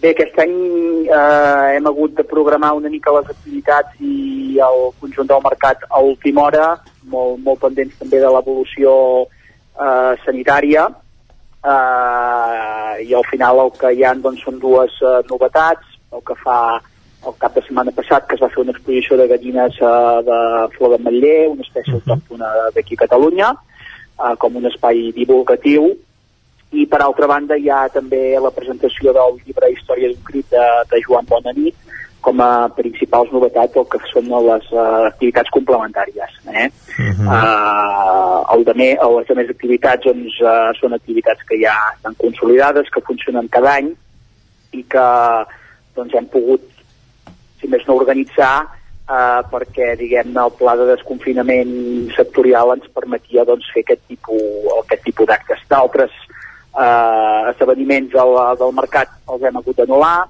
aquest any, uh -huh. com és la, el, tast, el, el tastet de patata del bufet o la mostra gastronòmica, però el que sí que hem intentat és fer un mercat que sigui segur i sobretot no deixar-nos perdre una fira emblemàtica pel municipi, per la comarca i sobretot per posar en valor el producte de proximitat. Uh -huh. Per tant, doncs s'han eliminat totes les activitats gastronòmiques doncs, per reduir eh, qualsevol eh, situació que pugui resultar compl complicada en matèria sanitària. El, el que sí que hi ha en aquest eh, mercat és una activitat que s'organitza cada any de, des del principi, no? que és un concurs de pintura ràpida també. Sí, és un concurs de pintura ràpida que, que de fet es va fer el segon any, eh? el primer any no, no, no es va fer, es va fer a partir del segon any i aquest any arriba a la seva 25a edició, és un concurs de pintura eh, ràpida doncs, que dona un ambient pintoresc al mercat, eh, perquè diguem-ne les bases del concurs eh, de pintura eh, és eh, Uris i el mercat de la patata del bufet, i per tant dona un ambient pintoresc, ens venen pintors de, de, d'arreu de Catalunya eh, eh, aquest, aquest, aquest, durant aquesta jornada, que serà el, el tercer cap de setmana, concretament el 18 d'octubre, Uh -huh. i això doncs, ens permet també donar una mica més de visibilitat en el món artístic i al final el municipi doncs, eh, dona uns premis eh, econòmics en els tres guanyadors el que fa la categoria, la categoria eh, d'adults i dos, dos premis econòmics a la categoria d'infants també que poden participar. Uh -huh. Recordem que aquest mercat va començar eh, aquest diumenge i que es farà també doncs, els dies 11, 18 i 25 d'octubre. Com va anar aquesta primera jornada de venda? Doncs la, veritat és que fem una valoració molt positiva perquè no sabíem ben bé què passaria aquest any. Uh, desgraciadament doncs, s'han anul·lat moltes fires uh, de municipis uh, de, del voltant i nosaltres estàvem també amb l'expectativa d'organitzar-la o no organitzar-la. Ens semblava que havíem d'intentar eh, posar tota la carn sobre la graella per, per, per fer-la possi- possible, un any més, perquè al final eh, la situació de pandèmia ens afecta a tots, no?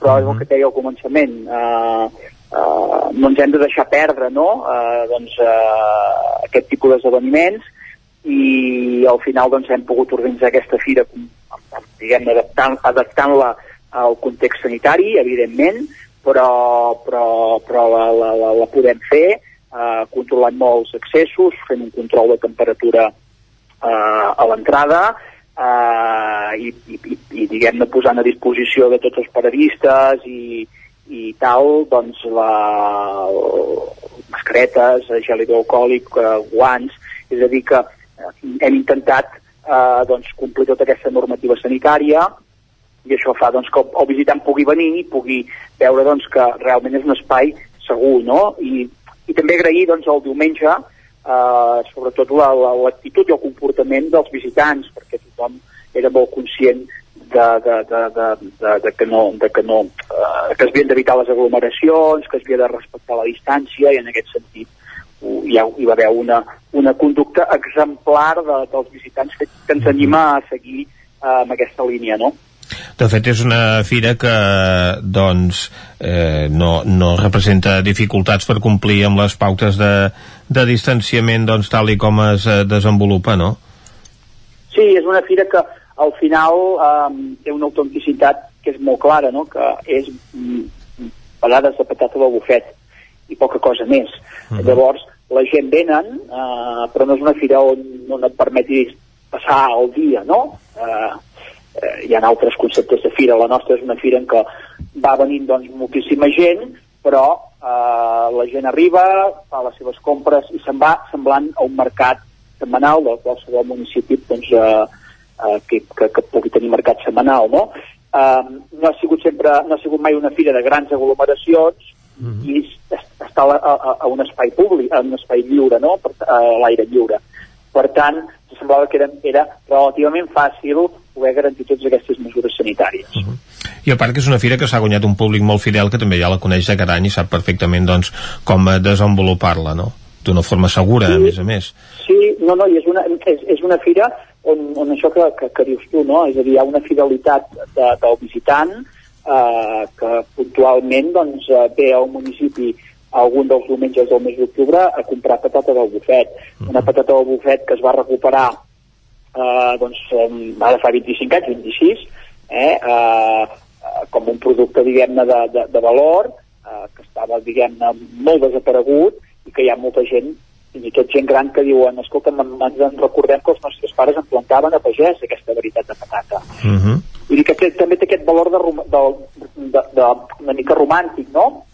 Eh, aquest mercat ha sapigut posar en valor un producte de proximitat eh, i ha sapigut consolidar-ho i a més a més ha sapigut mantenir l'autenticitat, que no s'ha contaminat amb una gran fira on s'hi poden trobar gran diversitat de productes, sinó que és la fira de la patata i on l'estrella principal és la patata del bufet. Uh -huh. Bàsicament això dona un valor afegit a la fira, no? I, i sobretot eh, no és una fira de grans aglomeracions, però sí que és una fira de molta constància i d'un públic molt fidel d'un visitant molt fidel que valora aquest tipus de producte.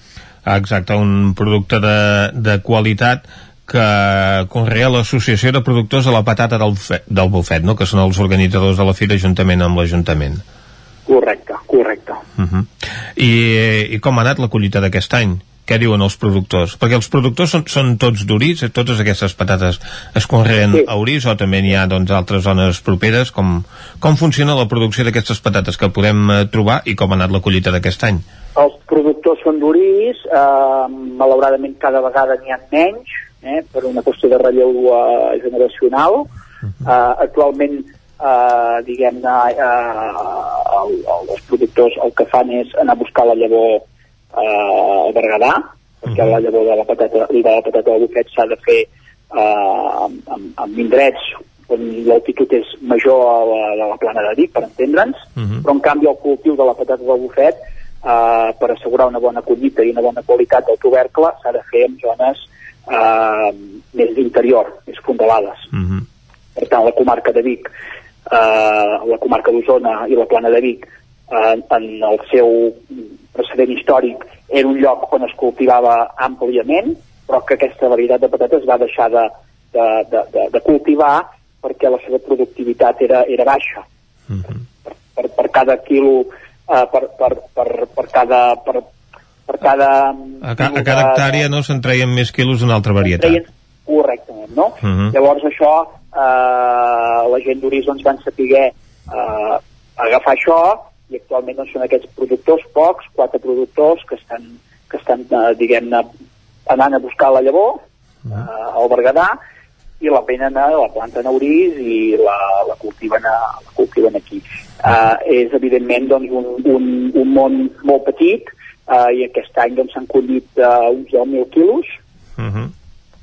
uh, una producció uh, un, segurament una mica menor d'altres anys, uh, perquè també falta el, el productor uh, que l'any passat doncs, uh, ens va deixar, que és l'estimat Josep Crivellers, poeta d'Uris també, doncs, que va ser un dels impulsors del, de la fira, i aquest any doncs, la producció és semblant al d'altres anys, però amb un, amb un producte menys. Uh -huh.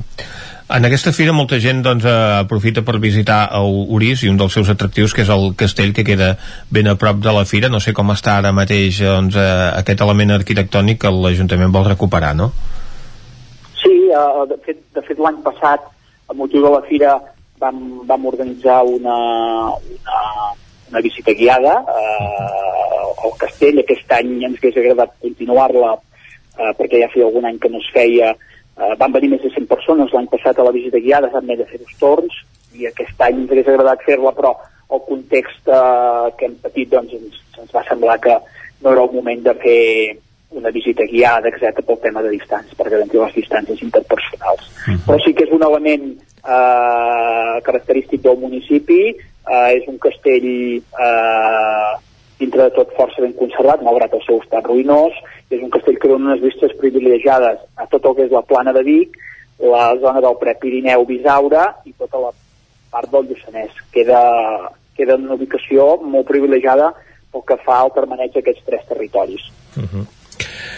Ja que tenim uh, un alcalde avui uh, en el nostre programa, havíem concertat aquesta entrevista amb anterioritat, però no puc deixar de demanar-li sobre el que ens ha ocupat aquest cap de setmana, que és l'episodi que ha protagonitzat l'alcalde de Manlleu, Àlex Garrido, doncs que ha generat mostres de solidaritat tant des del seu propi partit com també des d'altres partits com Junts per Catalunya, que és el seu amb el que havien estat doncs, col·laborant en diferents institucions a nivell de comarca. Què, què en pensa d'això que ha passat a Manlleu? Un alcalde és alcalde a les 24 hores de la seva vida o té dret també a fer vida privada? Jo crec que té dret a fer la seva vida privada absolutament, no? I el cas, diguem-ne, que li ha passat a, a l'Àlex, amb el que jo em solidaritzo, solidaritzo molt, no? perquè tens molt identificat en que doncs, la teva figura pública al final eh, acaba sent per les 24 hores al dia, òbviament, però hi ha moments molt íntims, molt privats, molt personals, no? en el que eh, no hauria de deixar que, que es pogués, eh, diguem-ne, mm, entrar tant a la vida d'una un, doncs, figura pública, no? com és la, la figura d'un alcalde o d'un representant públic eh, de, del nivell administratiu que sigui. No? Uh -huh. eh, evidentment, l'Àlex doncs, eh, està passant per un mal moment, eh, és, és lamentable que hagin circulat aquestes imatges de la manera com han circulat aquest cap de setmana eh, i jo crec que ha obert, si més no, un debat eh, públic on totes les tertúlies del país, de televisions, de mitjans de comunicació n'estan parlant, no? I em sembla que és molt clar eh, quina és la resposta de la ciutadania i de, de, de, de, de respecte a aquest debat que s'ha obert, no? Uh, d'on estan els límits, no? que podem gravar qualsevol persona en qualsevol moment i en un moment oportú podem treure i posar-ho a la llum per, per fer mal i descontextualitzar. Uh -huh. uh, és, és trist que, que passin aquestes coses, però malauradament passen i, i jo crec que cal... Hem de, hem de deixar-ho aquí, Arnau. Gràcies per la... El nou FM, la ràdio de casa, al 92.8. Calçats Mariona. Tenim les últimes novetats tant per home com per dona. Atenció personalitzada. Us ajudarem a trobar el millor calçat. Obrim de dimarts a dissabtes i també diumenge al matí, coincidint amb el mercat setmanal. Calçats Mariona. Som al carrer Socors 21 de Centelles. Telèfon 603 59 10 13. També ens trobaràs a Facebook i Instagram. Tens por de l'ordinador? Vine al Magí. Amb les nostres píndoles digitals aprendràs la diferència entre internet i el núvol, com utilitzar el mòbil i les apps, i si ets professor dominaràs el Classroom. Sessions totalment pràctiques, fàcils i interactives. Som a Vic, telèfon 693 75 05 07 o també ens pots visitar al magí.cat. Inscripcions obertes. Coberta serveis funeraris. Els nostres tanatoris estan ubicats en els nuclis urbans més poblats de la comarca d'Osona per oferir un millor servei. Tanatori de Vic, Tanatori de Manlleu, Tanatori de Centelles i Tanatori de Roda de Ter. Sabem que són moments difícils i per això el nostre compromís és atendre-us en tot moment amb un tracte humà, sensible i respectuós. Coberta serveis funeraris. Telèfon 24 hores 93 883 23 46. Cocodril Club. Si t'agrada la bona música dels anys 60, 70 i 80, escolta el 9 FM als matins de dissabtes i diumenges d'11 a 1. És el temps del Cocodril Club, tot un clàssic de la ràdio, amb les bases del pop-rock, les llegendes, les cançons que s'han convertit en autèntics himnes. Recorda, dissabtes i diumenges al matí, d'11 a 1, al 9 FM 92.8. Cocodril Club, el programa revival de l'Albert Malla. Hasta cocodrilo. Vine a la Sagrera de Centelles. Tenim un ampli assortit de tapes i plats de forquilla. Les nostres patates braves són l'especialitat de la casa. Bombes, callos i les millors hamburgueses completes de vaca madurada. A la Sagrera hi trobaràs el personal més atent per poder gaudir d'un bon àpat. També som a Instagram amb l'usuari La Sagrera Només Centelles. pensar en passar aquesta nit sense calefacció amb aquest fred. No es preocupi, hem analitzat a fons la caldera i de seguida quedarà reparada i en funcionament. Quan tingui un problema amb la seva caldera, vagi directament a la solució. Truqui sempre al servei tècnic oficial de Saunier Duval i despreocupis, perquè som fabricants i coneixem les nostres calderes peça a peça. Informis a Oficiat Nord trucant al 938860040. Saunier Duval, sempre al seu costat. El 9 FM.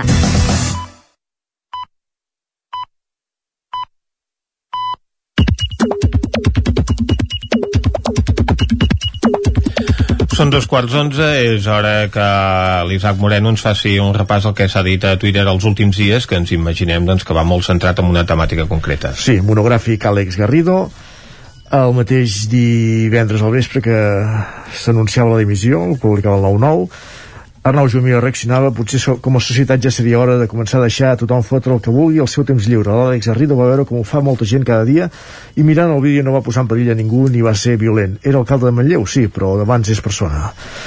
Arnau Martí, eh, des de Vic, em sap greu perquè Manlleu perd un bon alcalde en la mesura que conec a la vila i conec l'Àlex, haurien de valorar els polítics per la seva tasca i dedicació, no per la seva vida personal.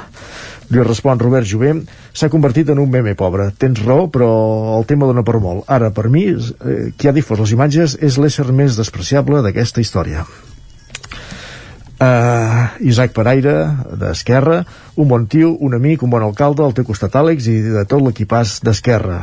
Llegíem avui el 9-9, per exemple, que Pereira va ser una de les persones del partit amb qui Garrido va parlar en les hores prèvies a l'anunci de, la, de la dimissió. Carles Banús, gens desitjable la situació que ha viscut avui l'alcalde de Manlleu, i em sap greu el desenllaç que ha acabat tenint tot plegat. Voleu dir que no ens estem tornant una mica massa puristes? Això ho diu l'alcalde de Tavernoles. Uh -huh. Ton Granero... Que és un altre partit. Exacte. Ton Granero, un molt bon alcalde que estima la seva ciutat i, i ha dedicat tota la seva atenció. He tingut la sort de treballar a prop seu i conec bé la seva bàbula. Quina societat tenim que permet que passin aquests fets?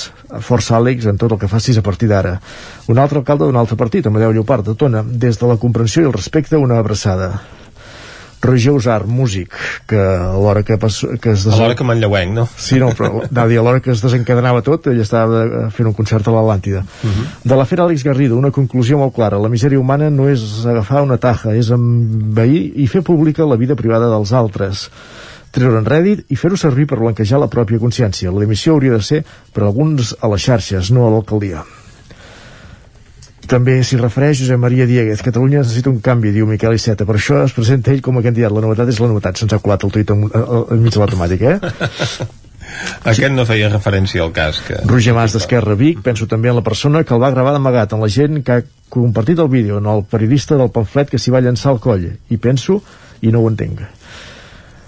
Jordi Vilarrodà, periodista, el puritanisme hipòcrita s'emporta per davant un alcalde votat per la població i bona persona. Àlex Garrido no estava en exercici del càrrec ni feia res que perjudiqués a ningú més que ell mateix i que estigui net de pecat que llenci la primera pedra. Toni Rubia, políticament tenim distàncies, estem lluny, personalment hi ha masses punts en comú. Gràcies, Àlex Garrido, pels encerts i pels errors. Lluís Bautista, de Junts per Catalunya, que forma part de l'equip de govern, un dia trist per l'Ajuntament de Manlleu, fer ús de la vida privada de les persones per humiliar-les públicament diu molt de qui som i de quina societat hem construït. Un plaer haver compartit el consistori Alice Garrido, tot el suport i una abraçada sincera. Uh, l'alcaldessa de Vicanerra, l'alcalde i company Àlex Garrido és bona persona que, una bona persona que sempre ha sabut posar per davant la ciutat que estima. Manlleu perd un bon alcalde. I en tindríem moltes, però acabem amb la de l'Enric Xicoi, periodista, rebo en un grup d'una quarantena de persones el vídeo en qüestió de l'alcalde de Manlleu i el qui l'envia critica el paio que l'ha gravat i l'ha difós. Aquest és el problema de les xarxes, que no som conscients de com som còmplices d'escampar la merda. Doncs després d'aquesta reflexió sobre la difusió d'aquestes imatges anem a veure què treuen en portada les edicions del 99.cat. Doncs comencem carregant l'edició verda, la del Vallès Oriental, que ara mateix encapçala dient tanca la botiga Massimo Dutti del centre de Granollers, també expliquen bastant el regal obrirà una nova botiga al centre de Granollers i podem veure un vídeo presó per als cinc arrestats a l'àrea de Granollers per traficar amb cocaïna. Carreguem ràpidament l'edició vermella, la d'Osona i el Ripollès, eh, que a aquesta hora explica eh, obre amb l'entrevista precisament a Àlex Garrido la decisió de plegar és estrictament personal diu, màgia total la crònica del festival Una tona de màgia que s'ha fet des, fin, des de dijous a Tona dos segons premis en fotografia meteorològica per a Emili Vilamala també ho podem llegir i el grup on preu es posiciona per comprar la xarxa Capravo. Molt bé, doncs eh, gràcies Isaac per aquest repàs a les xarxes i anem ara tot seguit a la taula de redacció. Bon dia. Territori 17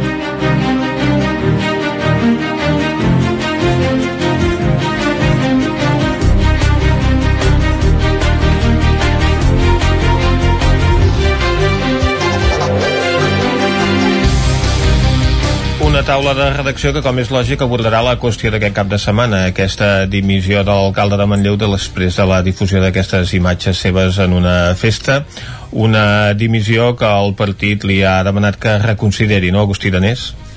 Sí, exacte, el, a la secció local del partit a Manlleu ahir vespre diguem, va fer una nota demanant-li que, que reconsideri aquesta decisió. Veurem què passa els propers dies. Avui també hi ha convocada una concentració Uh mhm. -huh. Mm, faig un parèntesi, no sé si, si és adequat del tot fer una concentració en, en, en, aquestes, circumstàncies. en aquestes circumstàncies és veritat que, que això es fa a la plaça que és un espai molt ampli, etc. Uh eh?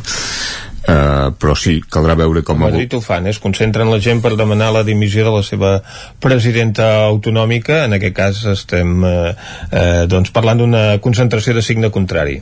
Caldrà veure uh, això com evoluciona en les properes hores, en tot cas bueno, hi ha un marge d'uns dies, no? Fins al proper ple és el 26 d'octubre. Però si ell aquest matí entra al registre la, la seva dimissió, cal, doncs... Cal, cal veure uh -huh. si, si, si cal fer aquest pas o si espera a demà o si s'ho repensa o veure què, què passa no? aquest, és, aquest és el dubte que hi ha, que és en tot cas fer la mirada d'ara endavant i si fem la mirada cap enrere del que ha passat doncs han passat moltes coses aquests dies no? des del divendres que transcendeix aquest, aquest vídeo ja bastament explicat i també la, la rapidesa amb què en veure la volada que, que agafava el tema i les implicacions sobretot polítiques, veient l'enfoc que, que hi havia des d'alguns mitjans de Madrid, subratllant el fet que era un alcalde independentista, un alcalde d'Esquerra, doncs ell pren la decisió de... ho parla amb el partit, ell explica avui en aquesta entrevista al 9-9 que ell parla llargament tant amb la secretària general d'Esquerra, la Marta Rovira, com amb una altra de les persones de... amb pes dins l'executiva d'Esquerra, com és l'Isaac Paraire, però que la seva decisió d'acabar presentant la dimissió, diguem que és, que és estrictament personal i quan es parla amb ell jo vaig parlar-hi una estona tant dissabte a la tarda com, com ahir diumenge al matí. Mm, ell està tranquil mm, està reconfortat per, per, per, per la llau de missatges diguem de suport que ha rebut. I també penso que, que que part d'aquests missatges segurament també es deuen al, al, al fet de, de l'anunci de la dimissió no? que aquí la gent empatitza amb, amb aquest fet perquè com ell, ell mateix explica en la nota que diu que, que és un comportament censurable diu, no? en tot cas uh -huh. l'actitud que es mostra en el vídeo diguem que no, no seria edificant però és veritat que ell no sé com s'ha de qualificar això s'ha de qualificar d'un error d'una relliscada d'un moment puntual però és veritat que aquest fet l'ha pagat en escreix uh -huh. i l'ha pagat en escreix no tant per la dimissió que al final la dimissió com diu acaba sent una, una actitud personal sinó per l'escarni jo crec que, que, que, que uh -huh. aquest, és la, eh, que aquest és el punt no? vull dir que els càrrecs polítics doncs eh, un dia s'aconsegueixen i un dia es deixen i pot haver moltes circumstàncies jo crec que aquí el, el, el, el punt que s'hauria d'analitzar és aquest de l'escarni i on se situa la línia avui entre el que és és l'activitat pública d'un càrrec públic i el que és la vida privada i, i la vida i l'activitat personal eh, també d'un càrrec públic. I dic això perquè la gent diu diem, és veritat, és que l'alcalde se n'és 365 dies a l'any i 24 hores al dia, d'acord però les coses també s'han de situar en el, en el punt on toquen i és veritat que això es produeix en un context determinat, que és un context uh -huh. de vacances es produeix doncs, a Platja d'Aro en un moment en què ell no exercia d'alcalde i després hi ha uns matisos un seguit de preguntes que jo crec que són pertinents que és de dir el que comentàvem, no?, de dir eh, no, no comet cap il·legalitat. Uh -huh. en el sentit que a vegades també es compara amb el, amb, amb el cas que hi va haver de l'alcalde de Badalona. L'alcalde de Badalona es va saltar un confinament va tenir un accident de trànsit, va desafiar els Mossos d'Esquadra. I no passa res de tot això. Uh -huh. diguem, en tot cas, el que surt mal parat d'aquí és ell, no és ningú més no provoca danys eh, a, a, a ningú? a tercers. Eh, no, no resisteix? no resisteix quan els, els, eh, els, els guardes de seguretat doncs l'acompanyen a, fora del local no resisteix, no treu partit del càrrec, no? Uh -huh. És a dir, vostè no sap amb qui estic parlant.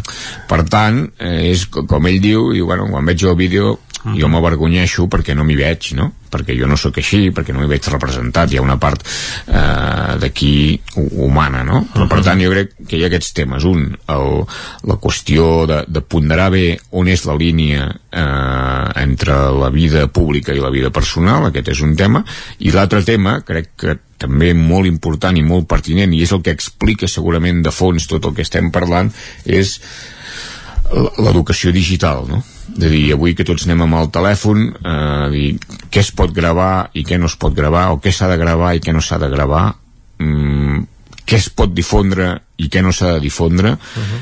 I a més a més, altres preguntes, és a dir, com podem fer-ho? I això és una pregunta gairebé que ens interpel·la com a societat per sobreviure a aquesta immediatesa de les xarxes, a la pressió del Twitter, eh, el, el, el, el volum que representa el, el Facebook, no? Com ho fem per sobreviure a les xarxes? Jo faria una reflexió que molt sovint es parla de la preocupació que existeix des d'un punt de vista polític per la bretxa digital, no? De dir, com ho farem perquè tothom tingui accés, perquè tothom tingui fibra, perquè tothom tingui aparell. Jo crec que no és aquest el debat. Si d'accés n'hi tindrà tothom, i si no, eh, hi haurà un dia que els de Movistar et regalaran el mòbil. El tema és l'alfabetització digital, de dir, com ho fem per sobreviure amb això? I, crec que, i, i aquest cas és un bon exemple de, de com fer-ho, de com, o, o com no fer-ho, no? De com fer-ho o com no fer-ho. Com no fer-ho per, per evitar que una qüestió que té la transcendència que té i que segurament estaria més a prop en circumstàncies normals d'una anècdota que d'una categoria diguem, com fa aquest traspàs i com costa llavors de, de, de conduir i reconduir això perquè l'explosió és brutal, no? Uh -huh. I eh, com pot afectar fins i tot en, en la mateixa persona, no? En, en aquest cas, que acabi portant per sempre més aquesta etiqueta. Jo penso que, que aquest és el, aquest és el, el debat de fons que existeix. I després, tornant-ho a aterrar en el, en el cas concret de Manlleu i com dius a l'espera del, del, que pugui del que pugui passar i de si es confirma aquesta dimissió que Manlleu eh, existeixen un seguit més enllà de, ara de, de, de la pandèmia, que això és general i que afecta més a Manlleu i també afecta més a, a Vic que a altres ciutats, a banda d'aquesta qüestió conjuntural, crec que a Manlleu sí que hi ha un seguit de temes de fons que són importants i que són temes que s'han d'afrontar, com el, els índexs d'atur, eh, la falta, que està en camí de resoldre's, però la falta endèmica de sol industrial, un seguit de qüestions relacionades amb la tipologia d'habitatge, amb els pisos de Can Garcia, pendents encara d'aterrar-se anys i anys, una part dels pisos anys i anys després del Pla de Barris, o sigui, hi ha un seguit de qüestions que van més enllà del tema conjuntural de la crisi sanitària, que és molt important també d'ara, i per tant crec que potser en, en aquest moment que si és que hi ha d'haver un relleu a l'alcaldia seria un bon moment per per plantejar-se tot de preguntes i potser per reconsiderar qüestions també per part de, dels grups amb representació municipal que poguessin avaluar quins són els programes de, de cadascú i potser arribar a un acord programàtic que fos, que fos raonable però que també fos ambiciós per intentar fer aquest salt endavant que, que, que, que convé fer-lo perquè una cosa és gestionar el dia a dia que això lògicament es fa, prendre decisions del dia a dia no? de dir, les escombraries es recullen els carrers es netegen, les obres que toquen es fan però hi ha una altra part potser més estratègica que, que segurament poder va més a poc a poc del que voldríem i que aquesta part és la important perquè és el que explicarà què passarà a Manlleu amb 10, amb 10 o 15 anys vista i a vegades ja, ja acabo dir que això és, a mi m'agrada explicar és com el, com l'efecte del xirimiri, no? Uh -huh. Que dir, quan, quan fa aquella pluja tan fina, tu surts i no, i no agafes el paraigua perquè dius, bueno, no, no plou i és veritat, i, i amb la política passa el mateix de, d'avui per demà no es nota el canvi, és com aquesta pluja fina però si tu no agafes el paraigua quan arribes a casa vas moll i, i amb això passa el mateix, d'avui per demà no canvia res demà per demà passat tampoc però a 10 anys vista tot el que fem avui, de si agafem el paraigua o no agafem el paraigua, tot serà completament diferent. Per tant, aquest moment d'excepcionalitat que viu no Manlleu, que viu el país crec que és molt important per prendre decisions d'aquestes estratègiques. Uh -huh. Molt bé, doncs moltes gràcies Agustí Danés per aquesta anàlisi del que ha succeït aquests últims dies a Manlleu i de quina és la planificació de futur de la segona població d'Osona. Ara abordem una temàtica d'àmbit comarcal perquè el Consell Comarcal d'Osona ha desencadenat un eh, pla de masoveria urbana, un pla del qual ara ens n'explica alguns detalls en Guillem Rico. Bon dia. Bon dia, doncs sí, es va presentar aquest dia, la setmana passada. Um, es van, davant la problemàtica diguem de la manca d'habitatge i també per altra banda el fet que hi hagi molt habitatge buit es calcula uh. -huh. que al voltant entre un 10 i un 12% d'habitatges uh, dels habitatges que hi ha a Osona estan buits, també és veritat que treballen amb unes dades de l'IDESCAT de l'any 2011 perquè no n'hi ha més, és el cens del 2011 per tant això pot haver canviat una mica i, I de molt. fet uh -huh. uh, per fer aquest estudi van fer enquestes als ajuntaments i n'hi ha alguns que sí que ja tenien alguna enquesta més actualitzada, sobretot els més grans, i també algun dels més petits, com Sobremunt, eh? Vic, Manlleu, Torelló i mm -hmm. Sobremunt, sí que tenien enquestes més acurades, altres eren unes dades aproximades. Clar poblacions mitjanes que no compten de tants recursos en matèria d'habitatge i que els és molt més difícil portar al compte, una població petita acaba sabent quines són les cases eh, que, que estan habitades i les que no i en una de molt gran doncs efectivament necessites aquests recursos per poder seguir saber no, quants pisos tens eh, ocupats i quants desocupats mm. Exacte, doncs llavors una via que han trobat per poder donar sortida aquests habitatges buits i, i per altra banda oferir un lloguer assequible a les persones que en busquen perquè costa trobar pisos sobretot de lloguer doncs han plantejat aquesta masoveria urbana eh, que també pot ser en algunes cases eh, més aïllades però que, que seguint la filosofia dels masovers que, que treballaven una terra i tenien a canvi un lloc per viure a canvi també d'una part de la collita, etc etc. Mm. doncs en aquest cas el que es planteja és que eh, puguin anar a viure en un pis eh, que no estigui en unes condicions no sé, que no sigui molt nou que no sigui nou i estigui perfecte i nou de trinca sinó que s'hi pugui viure, però que s'hi puguin fer doncs, una reforma de la cuina, dels lavabos, una repintada, un canvi de el que sigui. Això s'acorda entre el, el llogater, diguem, i el propietari, uh -huh. i llavors la propietat el que fa és rebaixar el preu del lloguer, eh, que ja es parteix un lloguer social, en funció de les reformes que acordin doncs, durant X temps, doncs, a dir, doncs, ara en comptes de pagar 300 doncs pagues 250 o, uh -huh. O la proporció que, que sigui en funció de, de lloguer de cada lloc perquè també eh, el tema és que cada municipi doncs, els preus van, van d'una manera o d'una altra però sí que es partiria d'aquest lloguer social. Plantegen diferents fases. D'entrada ara fins a final d'any es crearia una taula per coordinar-ho perquè aquí això implicaria a banda de l'oficina d'habitatge del Consell Comarcal d'Osona que és d'on s'impulsaria doncs també les oficines d'habitatge que tenen per exemple a Vic o a Torelló la Mancomunitat La Plana, que també té la seva, un servei d'habitatge uh -huh. uh, el Consorci de Lluçanès, que també s'oferia, diguem, com per coordinar-ho des d'allà, i altres ajuntaments que hi puguin estar-hi directament implicats.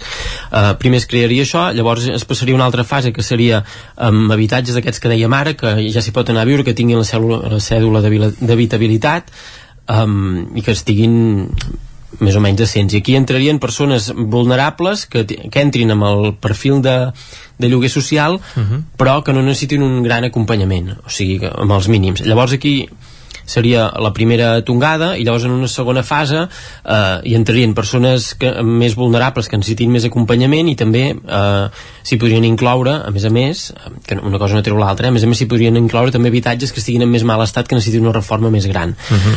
eh, i llavors també es buscarien també si cal, mm, si cal o sigui també treballarien en pisos d'aquests que, que són de bancs amb espais mm, de l'església com rectories, etc etc. Uh -huh. o sigui, s'ampliaria tota aquesta, tota aquesta part, però d'entrada la primera fase seria que seria diguem més ràpid de, de fer que serien aquests pisos que no estan, o cases que no estan en tan mal estat i persones que amb els barems que ja que ja estan definits d'habitatge de, uh -huh. social.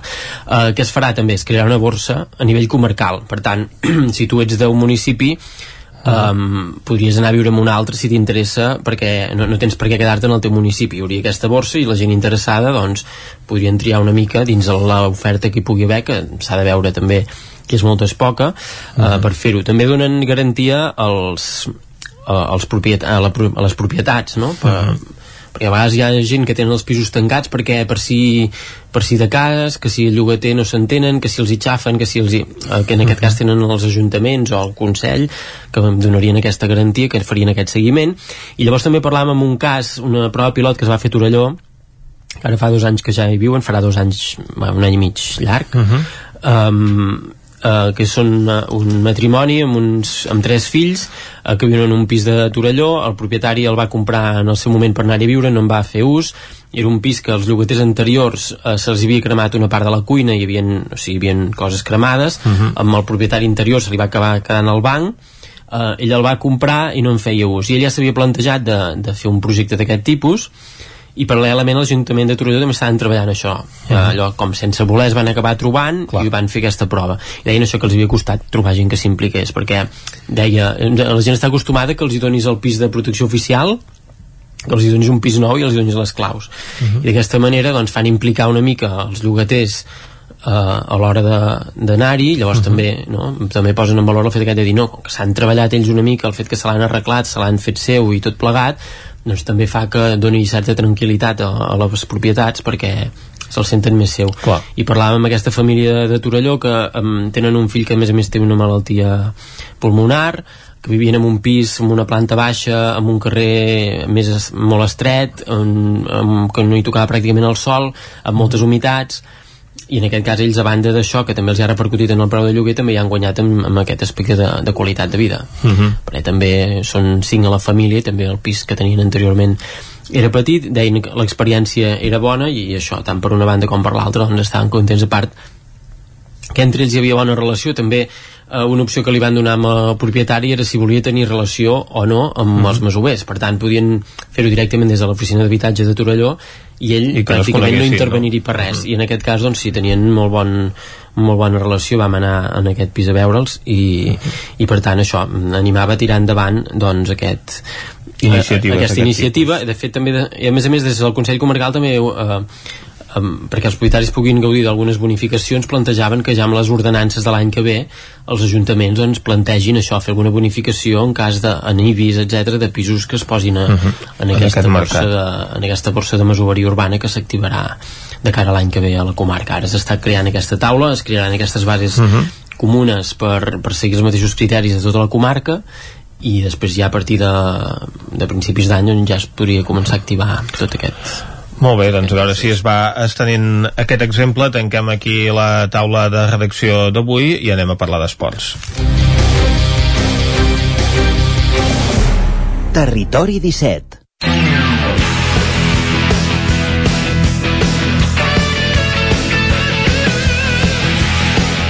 Doncs, com ja has dit, Vicenç, anem a parlar d'esports i a repassar com ha anat el cap de setmana els equips del nostre territori. Per on l'encetem, el repàs? Anem a Ràdio Cardedeu, ens està esperant allà l'Òscar Muñoz. Òscar, bon dia. Hola, bon dia. Doncs hem tingut activitat esportiva ja que cap de setmana es va recuperant eh, a poc a poc eh, tota l'activitat. Quins són els partits més destacats que hi han hagut? Doncs sí, ja va arrencar la tercera catalana eh, on el filial jugava i va començar amb una derrota a casa contra el Sant Celoni. Al minut 15 va arribar el primer gol dels visitants i, i 12 minuts després va arribar a l'empat dels cardedeuencs per acabar la primera part. Després a la segona no van tenir massa sort mm. i van caure els quatre restants. Recordem que el primer equip del Cardedeu eh, deia que el primer equip del Cardedeu descansava aquesta setmana Exacte. li tocava descansar en aquesta primera jornada però sí que hi ha hagut eh, també activitat amb altres equips i altres esports no?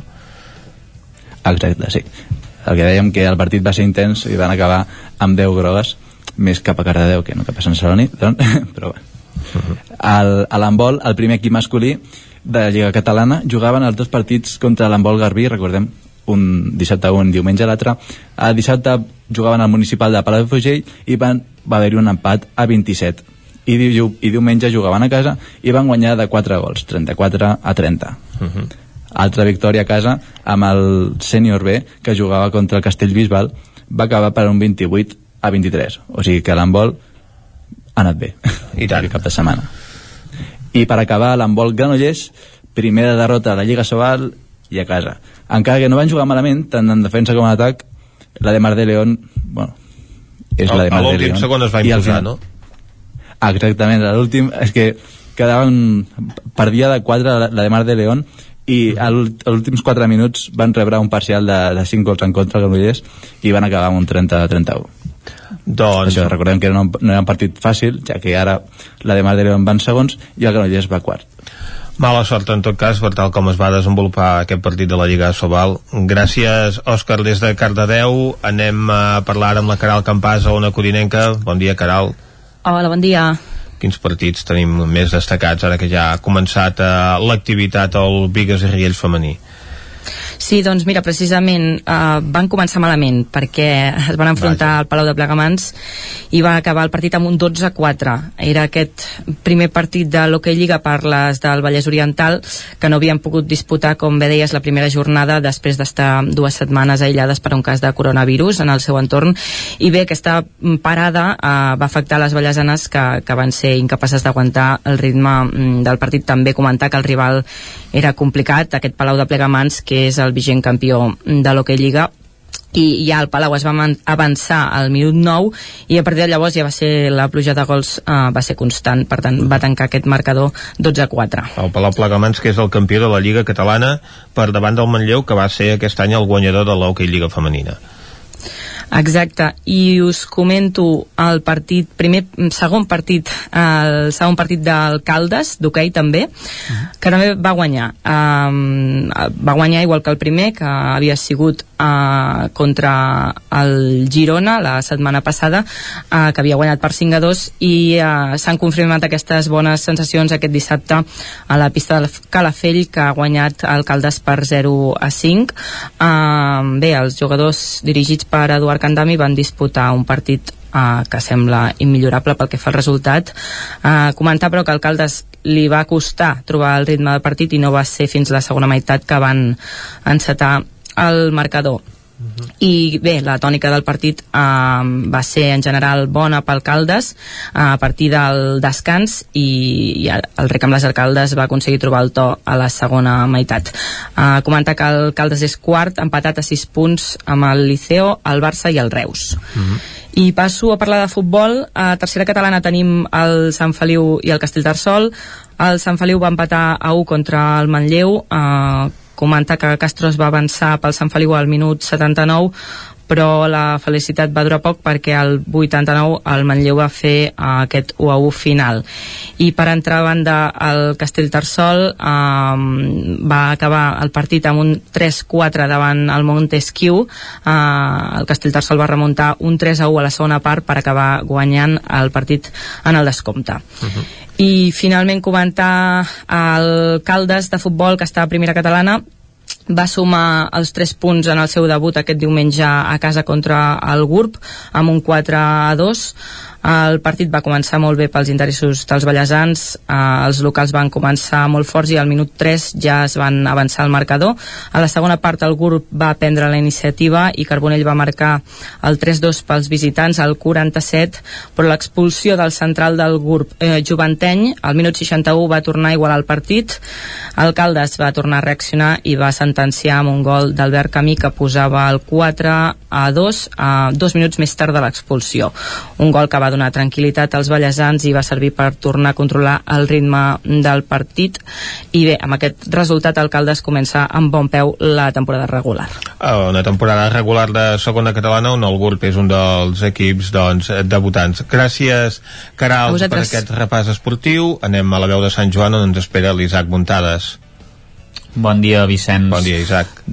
Doncs, si us sembla, comencem per hoquei, pel grupà de la primera catalana, perquè l'Hockey Club, doncs, eh, Ripoll és el líder de la competició amb 6 punts, després d'una nova victòria, després d'haver guanyat 5 a 2 al Farners, que va ser escombrat pels ripollesos, que van tenir en Jaume Ferrés a la seva estrella, perquè va notar els dos gols de la primera part, i a la segona eh, es va veure acompanyat de Vidal Carlón, que va fer el 3 a 0 i el 4 a 0, tot i que el Farners va aconseguir reduir distàncies de penal, doncs Brian va marcar la maneta abans que s'establís doncs, aquest 5-2 definit, uh, 5 a 2 definitiu electrònic, per tant ha començat bé el Ripoll d'Uquell, no ha començat també els, els equips de, de futbol, si us sembla comencem per la primera catalana, el subgrup UA Uh, el Camprodon va perdre per la mínima, per 0-1 a casa contra el Besalú, un partit doncs, que va tenir moltes ocasions i no va tenir premi. De fet, Abde va ser un dels noms propis dels camprodonins a la primera part, perquè va tenir doncs, diverses ocasions que van ser aturades pel porter uh, Conesa, i el futbol ja ho sabeu que amb això és uh, molt cruel i qui perdona ho paga, i en la primera ocasió del Besalú, doncs, Molina va fer el 0-1 després d'una sortida d'Àlex que no va mesurar bé la força de, del vent, i tot i tenir doncs, un parell d'ocasions més, el Camprodon doncs, no va poder empatar. Uh, el millor resultat el trobem al grup 18 de la tercera catalana amb la Badesenc, que va ser capaç d'empatar a dos al camp de l'Hostoles després d'anar perdent per 2 a 0 en un partit on els Sant Joanins els hi va fallar molt la punteria i van tenir diversos pals per haver notat. Uh, Caldi Cadrià va ser el gran protagonista dels locals a la primera, a la primera part amb un doblet després de finalitzar un contraatac i quan s'acostava el descans en aprofitar una pilota llarga i a la represa la Badesenc doncs, va sortir per totes i va aconseguir empatar amb un gol de Candelo després d'una jugada per la banda amb un xut creuat i de Juanjo que va marcar el 87 amb una pilota dins l'àrea. Uh, el Camp de Bànol no va tenir tanta fortuna en el mateix grup i va perdre el camp del Santa Pau per 2 a 1 un partit on va ser millor a la primera part i es va diluir a la segona moltes ocasions a la primera part amb, amb, amb uns 1 contra uns fallats per Aitor i, i Omar uh, també n'hi va, van tenir més ocasions però, però no, va, no van aconseguir anotar. Sí que ho van fer a l'inici de, la, de la represa amb el 0-1 fet per Aitor després d'una passada de Cristian, el Santa Pau va remuntar amb un gol de córner de Bizern i un altre de rebot de Muro i van tenir alguna ocasió més per aconseguir ampliar l'avantatge però el, el marcador no es va moure. I dos coses per finalitzar molt ràpides. Acabem la tercera edició del Rally Ripollès Clàssic que va comptar amb més d'una cinquantena d'equips aquest dissabte al matí amb la tercera prova de la Copa Gironina de regularitat. El triomf final va ser pel tàndem format per Carles Bracons i Miquel Àngel Silva mm. eh, que van vèncer doncs, a Josep Sunyer i Casademont eh, i també eh, José Luis Moreno i Isidro Noguera i finalment dir-vos que doncs, Xavier Rabasseda el, el Ripollès, el jugador Ripollès de bàsquet doncs, es va guanyar la Champions League amb el Burgos aquest cap de setmana davant l'AEK d'Atenes. Molt bé, doncs eh, gràcies Isaac per aquest repàs esportiu. Anem ara a parlar de l'actualitat esportiva a la comarca d'Osona que ahir presentava un plat fort, Esther Rovira. Bon dia, doncs sí, plat fort eh, que era eh, un dels clàssics de, de l'hoquei eh, el derbi més, pròpiament. El, exacte, el derbi pròpiament de, de l'hoquei que, que és un voltregàvic en aquesta uh mhm. -huh. ocasió, Sant Hipòlit eh, un partit que aquesta temporada era matiner perquè arribava tot just a la segona jornada i marcat eh, pel context de pandèmia que feia doncs que no pogués haver-hi l'habitual públic que hi sol haver en aquest tipus de, de partits de les dues aficions uh -huh. eh, van ser 200 persones, un terç de l'aforament del pavelló de Sant Hipòlit les que van poder entrar, preferentment socis del Voltregà que havien de reservar les entrades la, la, a mitjans de la setmana passada i el partit doncs que va tenir un clar dominador que va ser el, el Voltregà que es va imposar per 8 a, a 4 eh, especialment a, a la primera part. L'equip va, va fer mal al, al Vic que al final del partit va poder maquillar una mica el, el resultat però bé, eh, en tot cas eh, es va veure que tot i ser molt d'hora i amb equips eh, encara poc rodats el Voltregà està un pas uh, per, per davant. Uh, això com dèiem va ser ahir al, al vespre i el Taradell per la seva banda va jugar divendres al vespre a una pista molt complicada com és la del, la del Liceu. Viatjava uh, a Galícia, a la Corunya i allà els gallecs no van tenir pietat dels, dels taradellencs uh, i els van fer 15 gols 15 a 1 va ser el, el resultat d'aquest partit per tant... Va. Van passar comptes, no els gallecs perquè havien perdut aquí Taradell exacte, i a més a més aquesta temporada l'equip doncs uh, s'ha reforçat i uh -huh. uh, bé, és un, és un dels uh, equips amb ganes d'intentar fer mal al Barça, allò que sempre és tan complicat però bé, aquest any sembla que hi ha més candidats a poder-li posar les coses complicades i evidentment doncs uh, uh, els gallecs que, que, que van fer mal eh, amb uh -huh. aquest 15-1 al, al Taradell. En el cas de l'hoquei Lliga Femenina uh, aquest cap de setmana era el Voltregà qui s'estrenava a casa en la segona jornada. Eh, es, van posar per, es va imposar per 6 a 1 eh, a l'Astor Hockey. Eh, bé, important que, que guanyessin les voltreganeses a, a casa perquè en la primera jornada Sant Cugat van perdre eh, uh -huh. per 3 a 2 eh, tenien ganes de fer-se fortes a, a casa i aquest cap de setmana eh, ho van poder fer davant un equip que va acabar demanant l'hora i patint per seguir el ritme de, de les de Sant Hipòlit eh? i en el cas del Manlleu desplaçament a, a Madrid per jugar contra les Rozas i eh, també victòria, segona victòria de les manlleuenques aquesta temporada gràcies a, a la paciència, anar durant el, el partit i això 0-3 al, al marcador. Això pel que fa a l'hoquei. En el cas de, del futbol començava aquest cap de setmana, destaquem la, la primera catalana que és la, la màxima categoria on hi ha equips eh, usonencs quatre en concret aquesta temporada, un fet històric eh, amb, tants, amb tants equips i eh, notes positives 3 per, per 3 de, dels quatre equips, especialment la del Vic Riu primer, eh, perquè si és històric és, és especialment per, per l'equip de Santa Eulàlia que debutava per primera vegada a la, a la categoria, jugava a, a casa eh, al Rieral on eh, l'objectiu d'aquesta temporada és ser-hi molt forts per, per aconseguir la, la permanència i en el primer partit doncs victòria 2 a 1 contra, contra la Junquera en un partit on van ser superiors per tant mm -hmm. bona manera de, de començar per ells en aquesta estrena a la categoria també van guanyar el Tona eh, en el seu cas a casa contra el Lloret per, per la mínima eh, molt esforç, van haver-hi d'aplicar els tonencs, eh, però bé eh, aquest nou tona de, de Ricard Ferrés que recordem que ha deixat justament el, el Vic Riu primer després de, de, de sumar un nou ascens en la seva trajectòria com a entrenador i s'ha passat al, al Tona doncs també van poder començar guanyant com també ho va fer el Manlleu eh, ahir a la tarda a, a casa capgirant eh, un resultat advers eh, contra el Palamós contra també un, un dels conjunts grans de, de la categoria com són el, el Palamós i van acabar guanyant per 3 gols a, a 2 i en canvi el Vic va ser l'únic dels quatre conjunts usonencs que no va poder eh, guanyar ells visitaven el Llagostera B ahir al vespre i bé, eh, mal partit dels d'Albert Càmera i van acabar perdent per, per 3 a 2 uh -huh. i acabem amb un parell de, de punts més sí. aquest cap de setmana a Vic es feia l'Open eh, Internacional de Tenis Taula de, de Vic un esdeveniment eh, doncs molt eh, consolidat eh, 35a edició ja eh, i destacar que en categoria femenina Charlotte Carey, la jugadora precisament de, del, del Vic TT i eh, el francès Fèlix Lebrun van ser els, els guanyadors, en aquest cas un jove de només 18 anys, que es van imposar en aquest Open eh, que va haver de reduir a un 50% la participació, és a dir, van haver de tenir molts menys jugadors que altres anys eh, és una competició que sempre sol tenir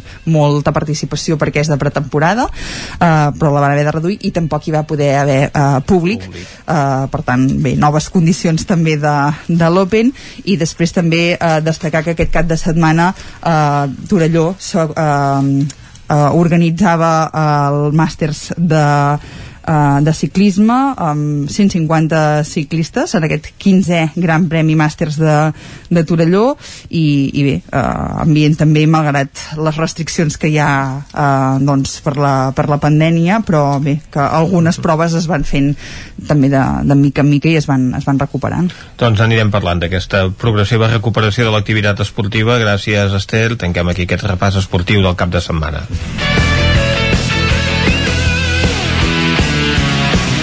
Són les 11 i 7 minuts i a aquest punt, en aquest punt, una mica més tard del que és habitual, arriben les notícies de les 11. Les notícies de les comarques del Ripollès, Osona, el Moianès i el Vallès Oriental. Territori 17, amb Vicenç Vigues i Jordi Sunyer.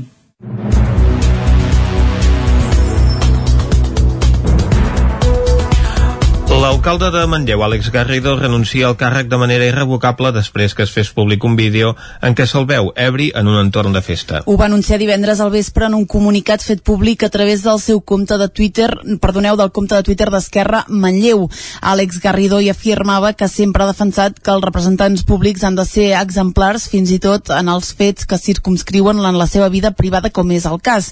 En una entrevista que publica avui el 9-9, Garrido diu que el vídeo l'avergoneix, que era conscient que existia la gravació que es va fer dos mesos enrere, però que tot i així no temia que es divulgués. Al darrere de la difusió del vídeo que ha circulat per grups de WhatsApp, xarxes socials i que va ser notícia en diversos mitjans de comunicació, Garrido hi veu una possible maniobra política. Ho qualifica de mala praxi amb la voluntat de destruir un alcalde i un partit que està fent bé les coses i ressalta que el missatge que ha sortit als mitjans de comunicació espanyols posa èmfasi en que ell és un alcalde independentista portàvem uns dies que Manlleu eh, havia adquirit eh, dimensió pública pel, pel tema dels cribatges que estaven realitzant a la nostra ciutat, que personalment havia aparegut a tots els mitjans de comunicació, no només nacionals, sinó també a nivells eh, estatal, per tant, que s'estava fent una bona gestió de, de la crisi de, del coronavirus i entenc que hi ha aquesta intenció eh, política de, de desprestigiar i d'ensorrar doncs, una, una persona i un alcalde.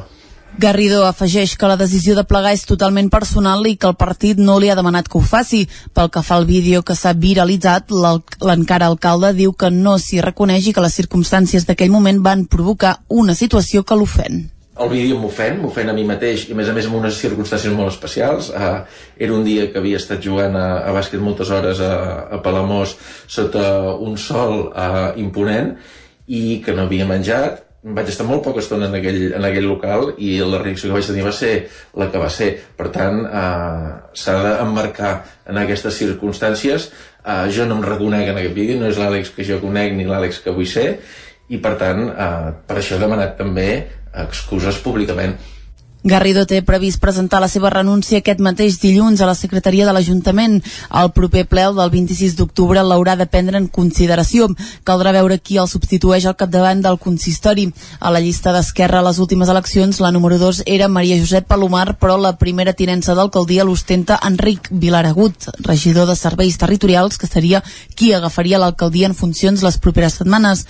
La vacant que queda a les files d'Esquerra l'ocuparia Maria Carme Valls, que ja va ser regidora entre els anys 2011 i 2015. Garrido va entrar a l'Ajuntament de Manlleu l'any 2011 com a regidor d'Educació i Cultura. Era alcalde des de l'any 2015.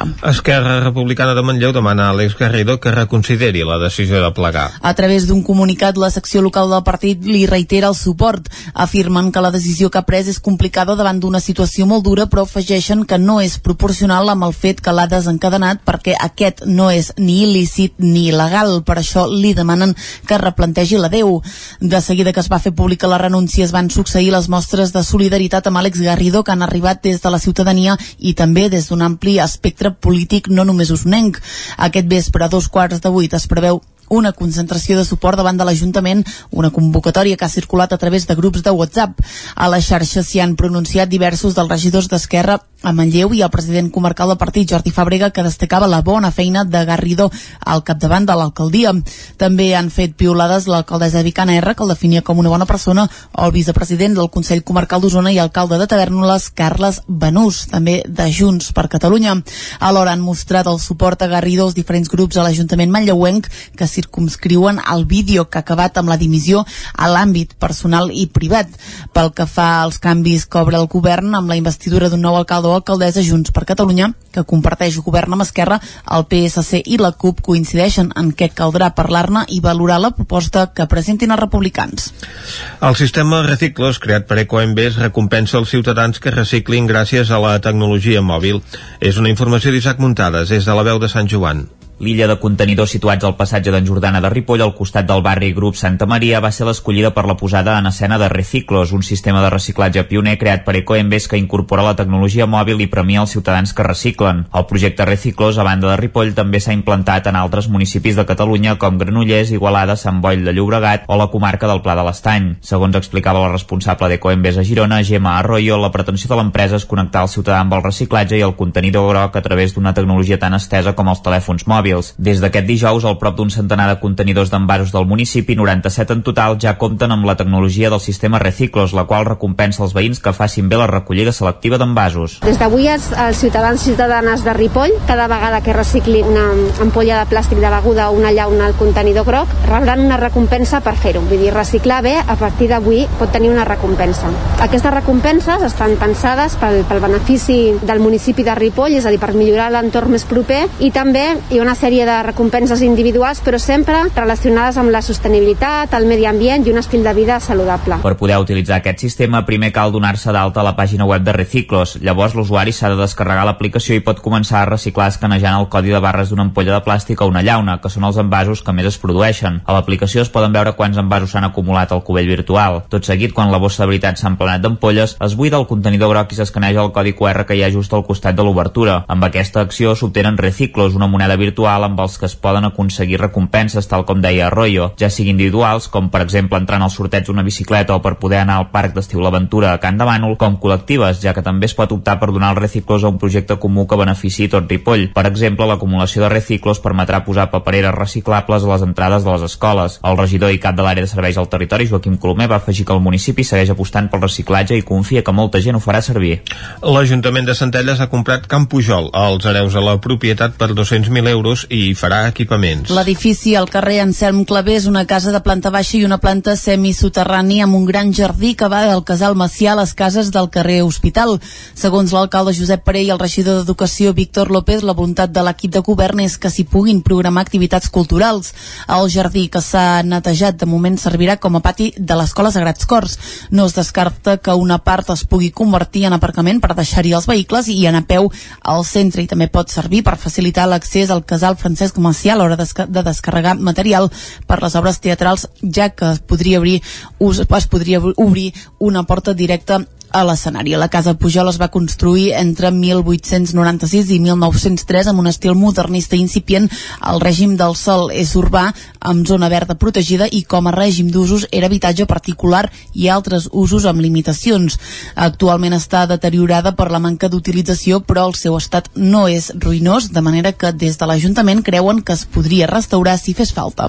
El Moianès dissenya mascaretes solidàries per lluitar contra el càncer infantil. Caral Campàs, des d'Ona Codinenca. Cada any Mollà es converteix en l'escenari de la Xipi Festa, una jornada de festa i activitats que organitza l'ASIM, l'associació que lluita contra el càncer infantil al Moianès. Aquest esdeveniment serveix per recollir donatius i col·laboracions que es destinen a la investigació i cura de la malaltia. Malgrat tot, a causa de la pandèmia del coronavirus, aquest any s'ha suspès la celebració. Això ha fet que l'entitat prengués la decisió de dissenyar i vendre mascaretes solidàries. Aquestes són fetes de cotó, es poden rentar i són homologades. El color escollit per la mascareta és el negre i porten el logo de l'associació imprès a un costat. Per tal de col·laborar, aquestes ja es poden comprar a diferents establiments de Mollà. Els diners recaptats aniran íntegrament al Laboratori de Recerca del Càncer Infantil de l'Hospital de Sant Joan de Déu de Barcelona. Segons l'associació, enguany ja tenen una mica de caixa feta gràcies als diners que es van recaptar amb les representacions dels pastorets de l'hivern passat a Mollà. Torna a l'aula de Cultura de Cardedeu al Teatre Auditori després dels mesos de confinament per la pandèmia pandèmia. Aquesta setmana passada, Beethoven era el protagonista. David Oladell, de Ràdio Televisió, Cardedeu. El 2020 es celebra que fa 250 anys del naixement de Beethoven i casualment el que havia de ser un any de grans celebracions i esdeveniments al voltant del compositor referent del romanticisme s'ha vist afectat per la pandèmia mundial del coronavirus. Tot i això, hi ha diversos actes organitzats aquest any per celebrar l'aniversari arreu del món. Un gran exemple és el que es va fer al Teatre Auditori de Cardedeu amb el músic i divulgador musical Joan Vives, que va fer un recorregut per la vida de Beethoven mostrant on van apareixent els diferents elements que configuren la gran aportació del compositor en la història de la música. Joan Vives anem trobant elements d'una personalitat tan extraordinària i tan fora d'època, diguéssim, que venen a més refrendats pel fet que progressivament es va anar quedant sort i que a més a més va haver de treballar sota el context de les guerres napoleòniques que van despentinar tota Europa durant 20 mm, anys i clar, doncs tota aquesta suma d'elements fan de la figura de Beethoven un personatge increïble que al final de la seva vida es quedarà sort i que les seves darreres obres darreres sonates per piano, darrers quartets per corda, doncs són obres que semblen escrites ja al segle XX. O sigui, és tan espectacular i l'empenta que va donar amb la seva personalitat una mica histriònica, un home de caràcter canviant, cosa que reflecteix a la seva música, és, mm, diguem-ne, un element d'inspiració enorme per totes les generacions que van venir al darrere. Beethoven va marcar un abans i un després en la manera d'entendre el llenguatge musical. Passa del classicisme de Mozart i Haydn, on tot era equilibri i proporció, a obrir una porta cap al romanticisme, on la raó es queda en un segon pla per donar el total protagonisme als sentiments i a les emocions. I fins aquí el butlletí de notícies de les 11, que avui ha entrat mig quart d'hora tard, però que us hem ofert, com sempre, amb les veus de Vicenç Vigues, Clàudia Dinarès, David Auladell, Caral Campàs i Isaac Muntades. Ara el que toca és obrir una finestra a les novetats musicals d'àmbit nacional. Com sempre ho farem de la mà d'Arnau Jaumira. Què ens portarà avui? Ho descobrirem de seguida, però em sembla que ens, ens és proper. De seguida ho escoltem. Territori 17. Envia'ns les teves notes de veu per WhatsApp al 6 646 079 023. 646 079 023. WhatsApp Territori 17.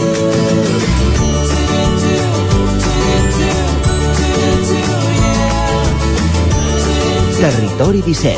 Som a Facebook, Twitter i Instagram amb l'usuari Territori 17.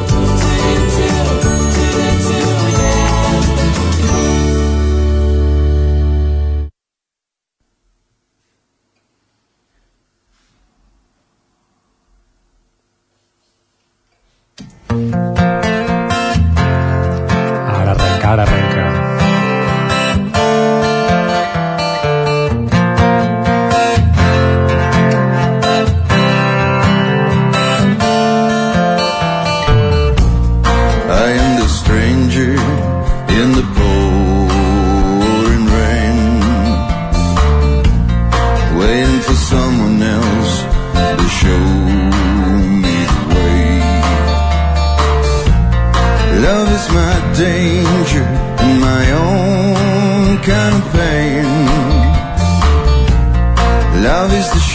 sun.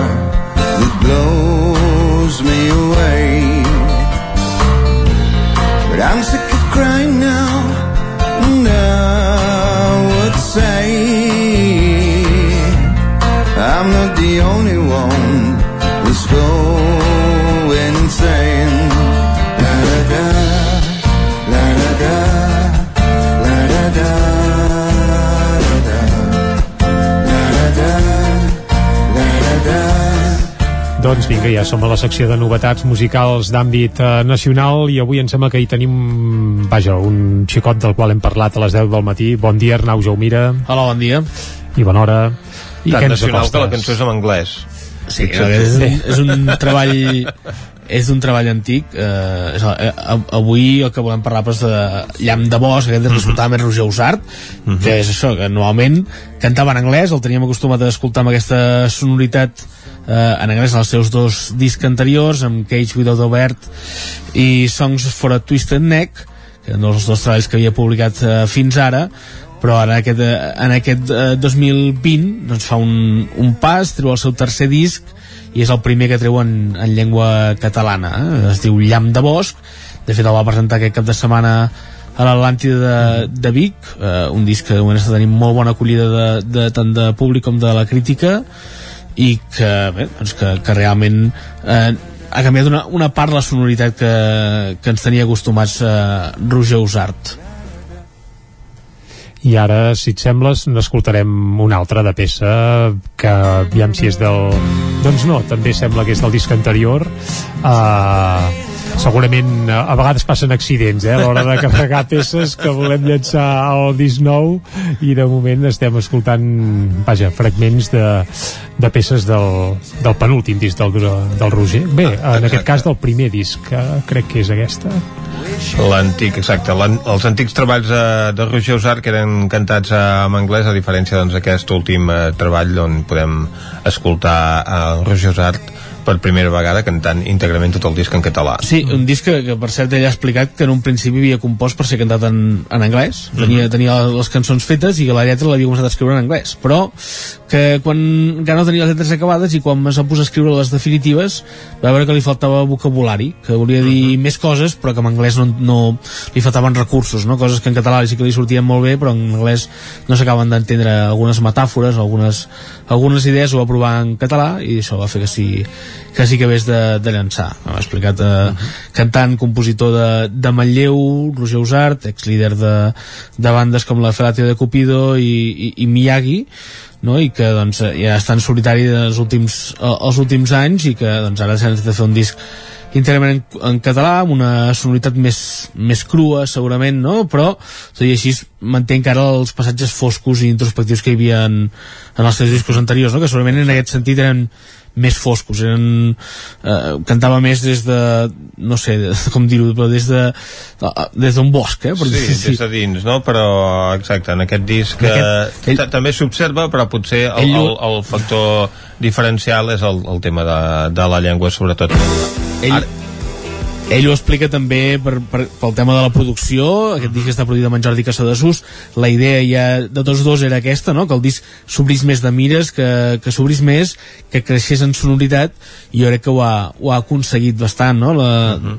és, això és un disc que no podríem dir que fos Uh, molt, és una mica el cas que ens passava la setmana passada amb en Pau Vallvé, eh? que no, no podríem dir que sigui un disc molt alegre, Eh, si l'escoltes de zero, però sí que comparat amb els anteriors sí que ho és, sí que, sí que canvia la sonoritat, sí que deixa una mica el folk i, i, i l'americana dels últims discos, que el manté l'arrel, però sí que se'n va una mica més cap al pop, cap, a, cap al rock, no? i també uh -huh. fins i tot hi ha alguns, algunes cançons en què tenen tocs d'electrònica, no? per tant, un canvi de sonoritat important el de Roger Usar, que com dèiem, un disc que de moment està tenint molt bona acceptació tant de, de crítica com de, de públic aquí cada setmana eh, doncs, a l'Atlàntida que no s'ha acabat d'omplir però també perquè la pandèmia doncs, eh, bé, està, està provocant que tot i que s'hagin reobert recintes culturals Molta la gent, gent por, tingui por correcte. i és el cas també de Marina Rossell Marina Rossell havia de venir a cantar uh -huh. havia de venir a cantar la cançó del Pont juntament amb Roger Usart i no es va atrevir Roger Usart va explicar al concert que, no, que la Marina a l'última hora devia, que no ho havia vist clar i no, i res a dir, no? En aquest sentit Això és, passa amb, amb gent doncs una certa edat que Clar, estan doncs, en situació de major de risc, risc no? a conseqüència d'aquesta... La, la Marina és de risc, eh? Sí, sí. Recordem que ja té més de 65 anys. Sí, sí, però I... no, es, no es va atrevir a venir, però bé, res, eh, ell, ell, ells dos han dit que queda pendent, que segurament ho faran, ho llançaran per xarxes socials durant els propers, els propers mesos, no? perquè tenen aquesta col·laboració pendent. Eh, Maria Rossell que li va dir directament que, que sí, que endavant sempre que amb aquesta cançó que li, que li agradava i havien plantejat aquesta col·laboració però al final no, no s'ha poder materialitzar sí que hi va sortir Santi Serratosa a l'escenari, sí que va sortir Joana Serrat sí que va sortir Jordi Casadesús uh -huh. sí que van, van acabar d'omplir aquest concert que com dèiem va tenir lloc aquest cap de setmana a l'Atlàntida per presentar aquest disc que, que, que estem escoltant que és el canvi de el canvi del, de l'anglès al català de, de Roger Usart. Tot i que ara ja sabem que de la manera que treballa, eh? primer, primer composa la música i després hi posa la lletra, pel que diu. Sí, almenys és el que, el que això, no? que se'n transmet d'aquest disc, en, en, algun, en alguna entrevista ho ha explicat, no? que, que, això, que, que la idea seva inicial era, ja tenia les cançons fetes i li faltava posar la, la, la lletra, tenia una idea la volia polir, evidentment jo suposo que és, que és això, no? que sí que saps per on vols que vagi però et falta posar-hi ben bé les paraules exactes a la, en aquella lletra. I primer en anglès i al final doncs quan s'hi ha a posar li faltaven recursos, és evident que cadascú és molt més ric en llenguatge en la seva llengua materna que no pas en una, en una estrangera. I per tant doncs eh, bé, ell, ell tot i que és això que se sentia molt còmode en l'anglès i que l'havia fet servir els dos discs anteriors doncs ara fent aquest, aquest pas eh, endavant per, per, per cantar en, en català són 10 temes 10, ells l'anomena 10 paisatges sonors no? que, uh -huh.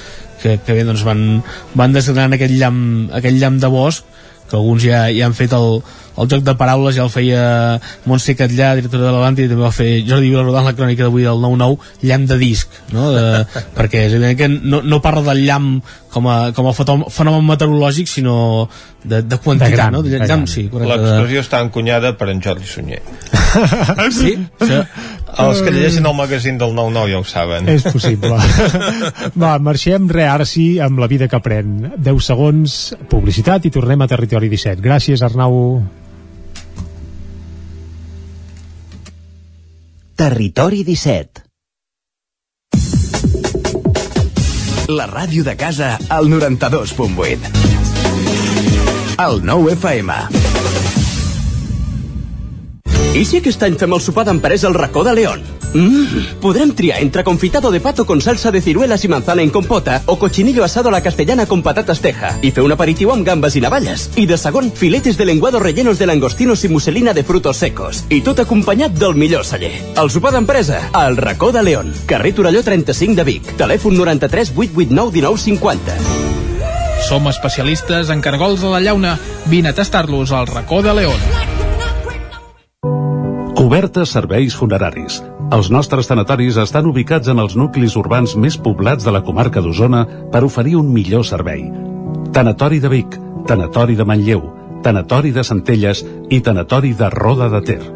Sabem que són moments difícils i per això el nostre compromís és atendre-us en tot moment amb un tracte humà, sensible i respectuós. Cobertes serveis funeraris.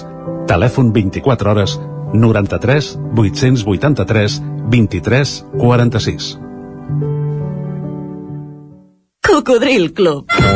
Si t'agrada la bona música dels anys 60, 70 i 80, escolta el 9 FM els matins de dissabtes i diumenges d'11 a 1.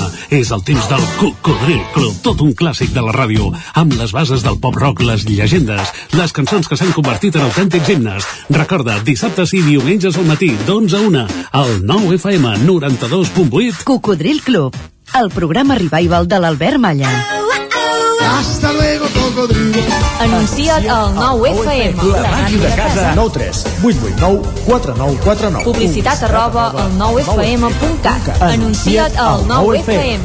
La publicitat més eficaç. Et costa l'escola? Vine al Magí. T'oferim atenció personalitzada en grups reduïts per descobrir i superar els obstacles per aprendre. Treballarem l'organització, les tècniques d'estudi i diferents estratègies en nivell emocional per encarar les dificultats. Som a Vic, al carrer Bisbe Morgades 12, telèfon 693 75 05 07 o també ens pots visitar al magi.cat. Inscripcions obertes. Vine a la Sagrera de Centelles. Tenim un ampli assortit de tapes i plats de forquilla. Les nostres patates braves són l'especialitat de la casa. Bombes, callos i les millors hamburgueses completes de vaca madurada. A la Sagrera hi trobaràs el personal més atent per poder gaudir d'un bon àpat. També som a Instagram amb l'usuari La Sagrera Centelles. La ràdio de casa al 92.8. El 9 FM.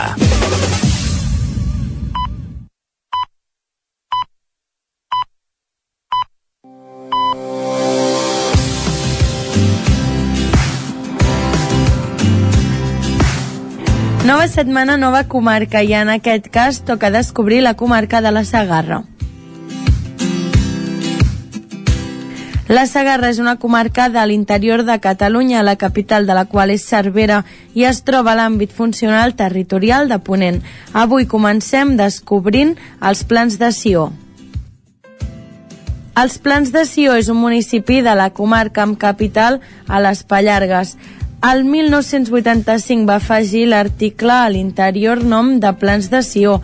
El municipi als Plans de Sió forma part gairebé en la seva totalitat de l'espai natural dels Plans de Sió. Això li confereix una valoració especial del seu patrimoni natural que cal preservar i protegir. L'espai natural dels plans de Sió, d'orografia suau, es caracteritza per ser un paisatge estèpic forjat per mans pageses al llarg dels segles.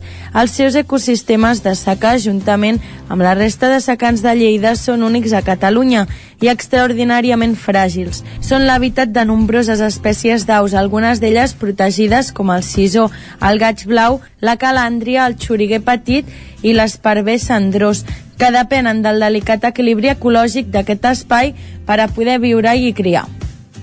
Podríem descriure aquest entorn natural com un mosaic on dominen els sembrats d'ordi i de blat retallats per algunes fileres d'arbres de marge, oliveres i ametllers, marges de pedra seca, petits carrascars dispersos i alguns guarets i erms. Les cabanes de volta, les peixeres que solquen el curs del Sió, les pletes, basses i d'altres elements d'arquitectura popular són també trets que conformen el peculiar caràcter d'aquest territori esquitxat de petits pobles d'origen medieval. Els castells i les esglésies romàniques en són l'element patrimonial i històric més notable. Alguns dels castells són visitables i molts d'ells es mantenen ben conservats. Un dels atractius paisatgístics de l'espai natural és l'amplitud dels horitzons i els cels de colors que s'hi poden observar, així com unes bones nits estrellades. Al transcurs de l'any es brinda un paisatge viu i canviant, tant que a voltes et sembla que no sigui el mateix. Cada estació té uns colors característics. La màgia inquietant de la boira a l'hivern, l'esplendor verda i acolorida de la primavera, el groc potent de les espigues, les bales de palla i el rostoll, durant l'època de cega o la tardor terrosa i més pàl·lida. L'espai natural dels Plans de Sió se situa entre les comarques de la Sagarra, l'Urgell i una petita part a la Noguera. Té una superfície de 10.382 hectàrees i és la més gran de la ZEPA de la plana de Lleida. L'espai natural de Plans de Sió forma part de la xarxa Natura 2000 i és també ZEPA, zona d'especial protecció d'aus. Territori 17. Doncs de la Sagarra, Vicenç, ens n'anem ara cap a la R3. Cap al Ripollès. Doncs anem Vinga, pugem al tren. A Tren d'Alba. Cada dia els usuaris de la línia R3 de Rodalies que veuen sortir el sol des d'un vagó ens expliquen les gràcies i les penes del primer comboi que uneix Ripoll i Barcelona. Benvinguts a Tren d'Alba. Doncs va, com cada dilluns farem un repàs de com va anar-li la setmana passada a la Núria i us he de dir que prou bé perquè el tren només va acumular 32 minuts de retard, que equival a 6,4 minuts de retard de mitjana diaris. Per tant, prou bé en comparació amb altres setmanes que era infumable anar amb tren. A veure, hem de destacar que dilluns i dimarts el tren va arribar puntual. El problema van ser el dimecres i el divendres, que els convois van arribar amb 14 i 12 minuts de demora. El dijous va tenir un retard acceptable de només 6 minuts. Hem de dir que des de que vam tornar amb la secció al setembre estem combinant dies desastrosos amb dies molt bons. Esperem un terme mig i que s'acosti més a la puntualitat. Va, us deixo amb la Núria perquè ens expliqui com li ha anat el viatge d'avui. Bon dia des de l'R3. Avui el tren ha sortit puntual de Vic i ha arribat 12 minuts tard a Barcelona. Teníem 6 graus de temperatura, ara aquí en tenim 12. Fa un cel esplèndid, tot i que quan he sortit de Vic era fosc. La veritat és que veure sortir el sol des del tren és ben bonic, eh? Si no ho heu fet mai, val la pena. També us diré que no m'he tret l'anorac en tot el viatge, no perquè fes fred a dins del tren, però tampoc tenia prou calor com per treure-me'l. Res, viatge ha sigut tranquil, avui he pogut seure tranquil·la també tota l'estona, fins i tot al seient al meu costat he pogut deixar les coses que porto, sense que algú necessités seure. I explicar-vos que hi havia un grup de nois, com 5 o 6, que, bueno, deuen jugar a futbol en un equip important al Granollers, han baixat a Granollers, perquè explicaven que els havien filmat de la tele i que havien sortit no sé quants minuts i bueno, estaven com orgullosos de la feina que feien. Anaven a l'institut, explicaven també la mestra, que és el que tenen una mestra que havia passat de ser multimilionària a ser professora de socials i quedaven molt sorpresos de com algú es podia polir tants diners per acabar sent mestra de socials en un institut. Bueno, des de saber de quina part de realitat té tot el que ells eh, es figuraven i, i s'imaginaven. En tot cas, bueno, estaven ben desperts, ben animats, un dilluns al matí, començant la setmana, començant a un nou episodi, a veure què els deparava la setmana, i el mateix em pregunto jo, a veure què ens depara aquesta setmana. En tot cas, us de desitjo que tingueu molt bona setmana, i res, us saludo des de l'R3 un dia més la Núria. Bon dia. Dona, això de la professora social milionària que es va arruïnar pot ser una història una mica adornada. Esperem que almenys els que treballin de professors de socials en un institut, que algun en conec, els hi vagi més bé i guanyin més diners. Va, ens retrobem demà i recordeu que ja portem un retard acumulat de 2 hores i 31 minuts des de l'inici d'aquest mes de setembre. Territori 17.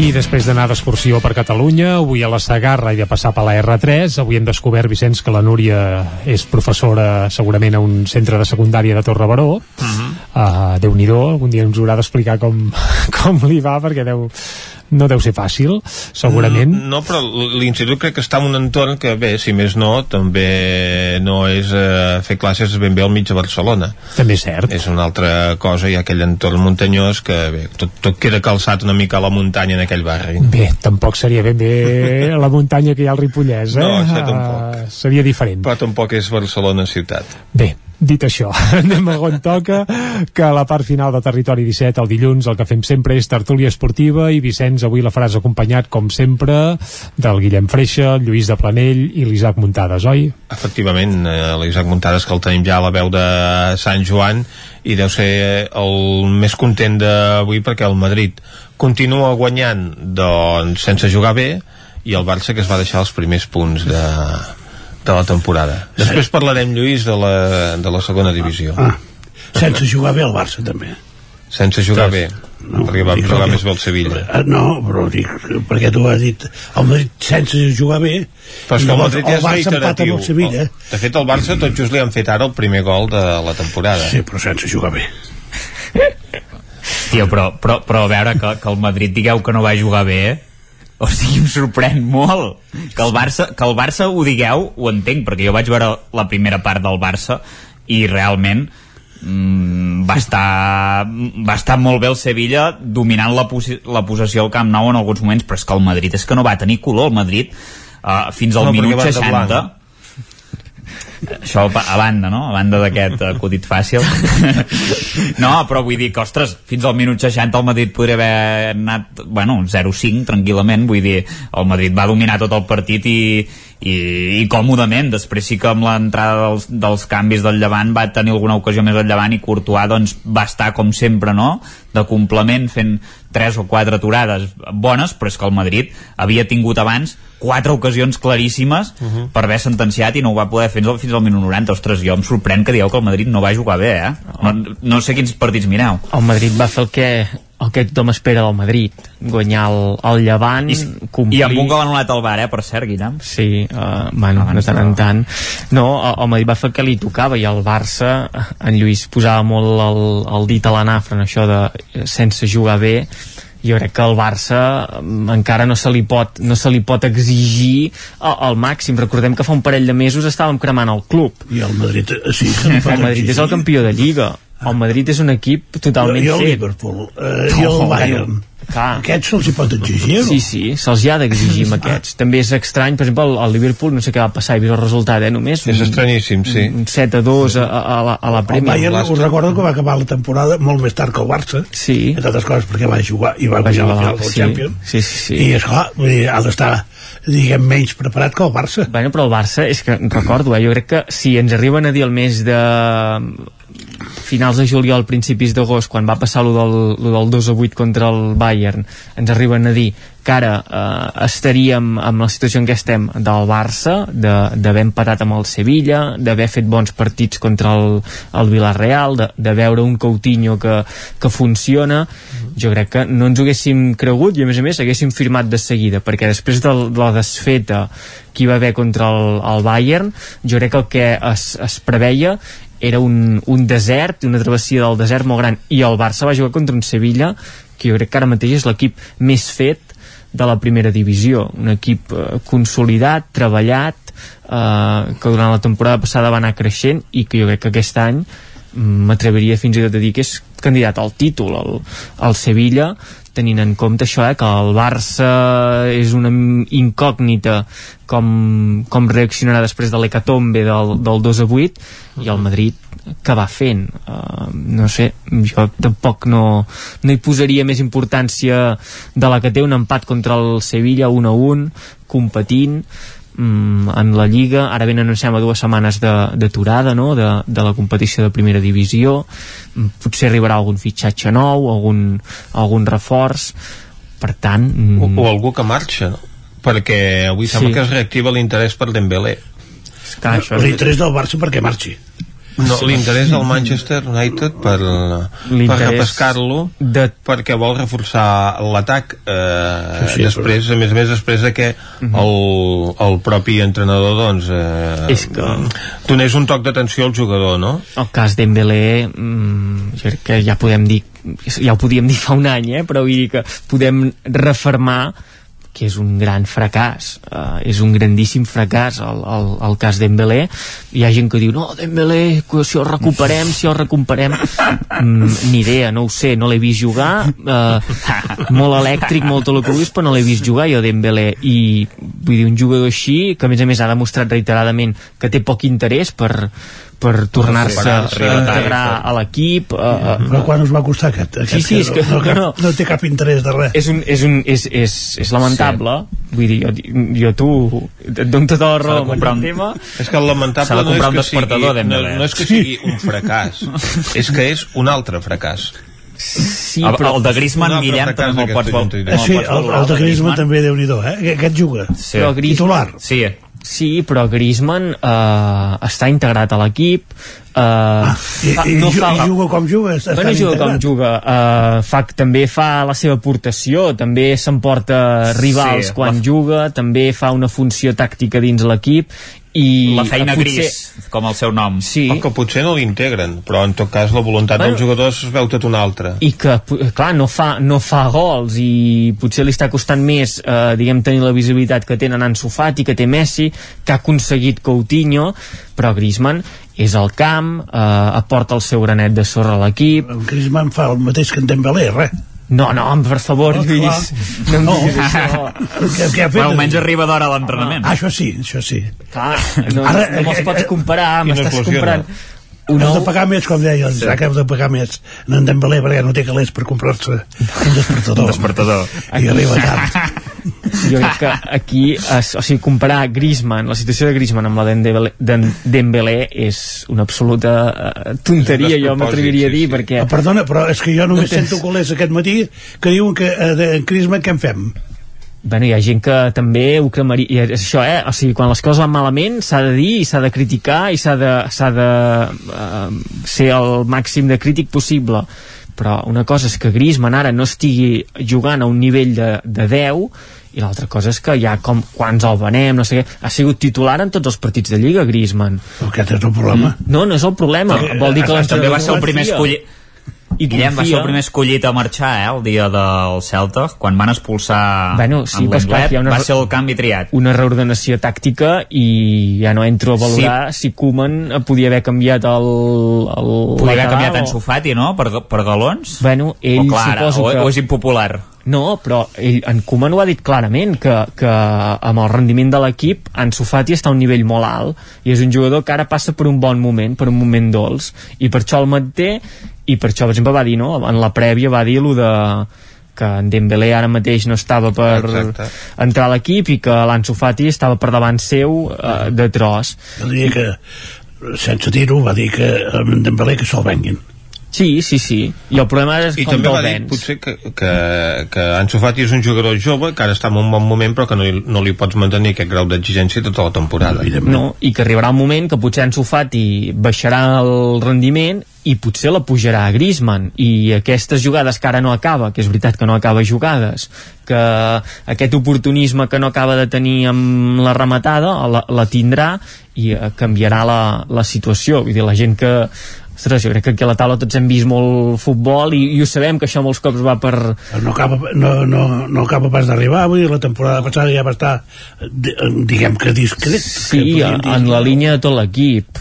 Ah. Jo crec, no? Vull dir, qui va sobresortir la temporada passada en el Barça? un, un jugador que, que paga 100 milions d'euros Sí, eh, això- ha, ha de destacar una mica, no? Ja ho sabem, que al Barça tots els jugadors que arriben amb cartell venen amb un salari important. Jo crec que el problema és quan venen amb un salari important i no fan, ja no et dic eh, la funció pel qual se'ls ha fitxat, sinó eh, ni, ni l'origen de la funció pel qual estan eh, en, el, en el Barça, que és jugar a futbol i Dembélé no ho està fent i, i dic més, ara marxarà al Manchester United i, i segurament Però ja serà, segur que marxa? serà el rei, Ja no, no segur? dic si marxa al Manchester United o mar... Ah. Era, era un desig, eh? eh Isaac, era un desig. Sí, va- vale, vale, vale. que No, no, marxi no, no. On, on sigui jo crec que uh, llavors veurem un Dembélé que rendeix és un jugador que aquí sí. va entrar de cul les lesions no li van ajudar ha entrat en una dinàmica complicada l'entorn seu segurament tampoc li ha ajudat i, i no hi ha hagut no hi ha hagut manera i ara el millor que pot passar és que parteixin peres el problema és com, no? perquè amb el que va valdre mm, Sí.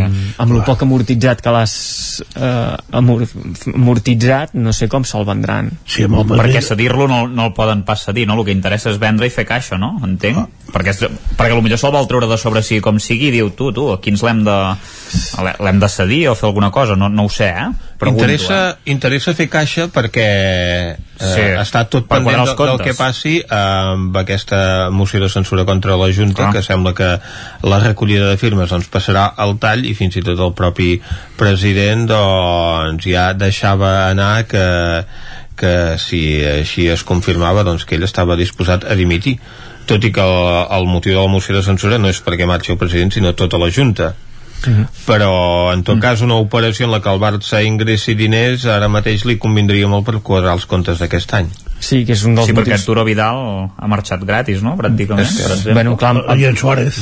Sí, totes les sortides s'han rebaixat massa salarial, però no, segurament no s'ha ingressat no, ah. diner a, a caixa per, per quadrar aquests comptes i de fet eh, és un dels motius no, que, que Bartomeu després del, del cop del 2 a 8 no, Mm. no plegués o no prengués eh, mesures més dràstiques i volgués allargar Uh-huh. fins al març per tancar l'exercici i intentar eh, evitar la, eludir la, la, la responsabilitat no? Exacte. El que passa que és, és, la situació, i ara és per tothom, és atípica. Sí, sí. Ja sabem que tots els clubs eh, no quadraran números. No. És, és impossible. encara que no fitxis, o encara que fitxis, o encara que treguis massa salarial, vull dir, la, la trompada econòmica per les entitats esportives eh, professionals ha estat massa, massa forta. I com més gran és el club, potser ah, més, no? Fins i tot. I sabem que un dels ingressos importants del Barça és el museu i, sí, sí. i llavors veus el camp i totes aquestes històries. Clar, eh, imagina't els, els diners que no han entrat per, per aquest capítol. Vull dir que clar, no sé, en aquest aspecte jo diria que en, en Florentino ha estat més, més viu perquè mm, ha fet el Camp Nou mentre hi havia el Covid. Sí, van aprofitant mm. per anar fent el, les, les obres. Ah. Les, entenc que per poder fer el Camp Nou també la situació per poder fer les obres del nou estadi del Madrid, no diguem el Camp Nou quan parlem del Madrid, ah. perquè el, amb el a les orelles... les obres dels lavabos, diguem Sí, exacte, va ampliar els no, lavabos. les dels, lava, les dels lavabos es fan a final de temporada quan es juga quan hi ha Copa, no? no Sí. que entenc que la situació econòmica del Madrid també devia ser una mica més eh, mm, millor que la Bueno, del no- Barça, no? Per poder... T- Tampoc et pensis, no hem fitxat ningú, Guillem. Vull dir, aviam, si, si la situació fos, fos excel·lent, és bona per, per el que tu dius, eh? per acabar les obres de l'estadi i fer-lo nou i tot el que tu vulguis. Però, evidentment, eh, per exemple, en aquest mercat de- d'estiu de, s'havia d'haver fitxat algun, algun jugador, sobretot parlo de, de la parcel·la ofensiva, algun davanter, perquè sí. en altres temps de, de, dels galàctics, Florentino Pérez no s'ho hagués pensat a treure la cartera i haver fitxat doncs ara m'imagino, eh? O Haaland o Mbappé o tots dos. Suposo que tots dos no, però, però un dels dos segur que hagués vingut i, i jo penso que que s'hauria d'haver fitxat Haaland ja, per exemple. És, és un jugador que ara fa un any no valia pràcticament res i ara és que ens demanaran 100, 120 bueno, com, com us van demanar amb Dembélé el Sí. Dortmund, no? No, però sí. el, el mercat s'ha mogut poc jo crec que pre precisament Sí. avui crec que s'acaba avui, no? El, el mercat en aquestes últimes hores sí que es veuran moltes accions d'última hora eh, provocades per al moviment de peces per a, la, a que un comenci a moure un jugador o que ingre- ingressa pot fitxar i aquí comença el, el ball i també per les exigències perquè hi ha hagut clubs que han anat aguantant, aguantant, aguantant, aguantant han passat dues tres jornades de lliga coses que no funcionen ep, ens hem de posar les piles anem a fer el, el cop de cap i a, Sí, i a fitxar tinc, entès que el Barça, per exemple, amb en, amb en Dest, aquest de lateral, sí. ha pactat amb l'Ajax que li pagarà la temporada que ve. Bueno, esclar, suposo que deixa, deixa el deute per la propera junta. L'enginyeria- Ah, eh, o sigui, calés no n'hi ha vull dir, No, no, està, no. està claríssim.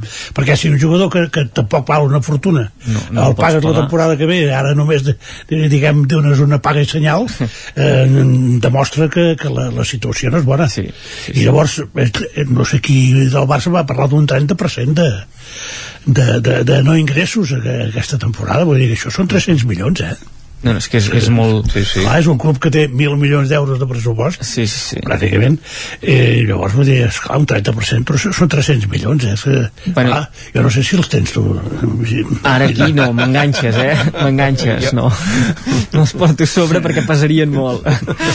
No, però vull dir que això també va una mica en el, en el tema aquest del, per exemple, el, el turisme a Barcelona, no? que ha quedat congelat perquè depenia molt del turisme estranger, doncs el Barça també n'és víctima d'això. Uh, tu, durant els mesos de juny, tot l'any, eh? però juny, juliol i agost, anaves al Camp Nou i eh, et trobaves tot de eh, gent de, de l'estranger que estaven fent turisme aquí a, a, a Catalunya o a Barcelona més en concret que feien el tour que eh, el Gamper, anaven al Gamper etc etc. I de, jo dijous passat vaig anar Al- al Camp Nou? no, no, Ah. no, no, no. Hi, ha, hi ha llocs que tinc prohibit per al, pel metge? O... sí, no, pel meu pel meu metge eh, i, i el, vaig anar al Parguell que no hi havies anat és mai. clar, érem tres. I, i devíeu ser de, un de I tots, Barcelona. tots catalans. Sí, sí, vull dir, esclar, I, i vam dir eh, no, nosaltres no som de Barcelona, som de Vic. Però és igual, ja podeu entrar. Jo no vam ni pagar entrada vull dir que, sí. no, és una altra història vull dir, ha canviat tot. I, i caldrà veure com queda tot plegat perquè si, si, si pot tornar a entrar la gent als estadis però encara el turisme no s'ha reactivat. Per exemple al Camp Nou eh, les últimes temporades anaves a un partit de Lliga i la majoria de seients estaven revenuts o cedits uh -huh. o no sé en quin format ho, ho feien però estaven eh, per, per turistes. bueno, allò que no es pot fer però que fa, fa tothom. Sí, sí, sí. Bé, Per- el seient lliure és això. Sí, però vull dir, veurem com, Bueno, com sí, queda. Si, si, fas aquest... a través del club sí, però si ho fas particularment No, no, esclar, això sí que no es pot, okay. no es pot fer. Però vull dir que veurem com queda, perquè aquest soci que té el seient allà, mm, què farà eh, si no el pot vendre a turista o no el pot, o el seient lliure no funciona com ha de funcionar? Es veurà l'estadi... eh, jo, jo haig de dir que a nosaltres eh, els pericos no ens ha cobrat res Sí, sí, sí, no, no, jo dic a nivell de, de, de visualització de les grades, si la cosa es va tornant a activar, de, de, que es pot anar al camp, sembla que per Champions sí que hi podrà haver un 30% de l'aforament Sempre que les autoritats sanitàries locals ho aquest, permetin, no? eh, aquests abonats, no?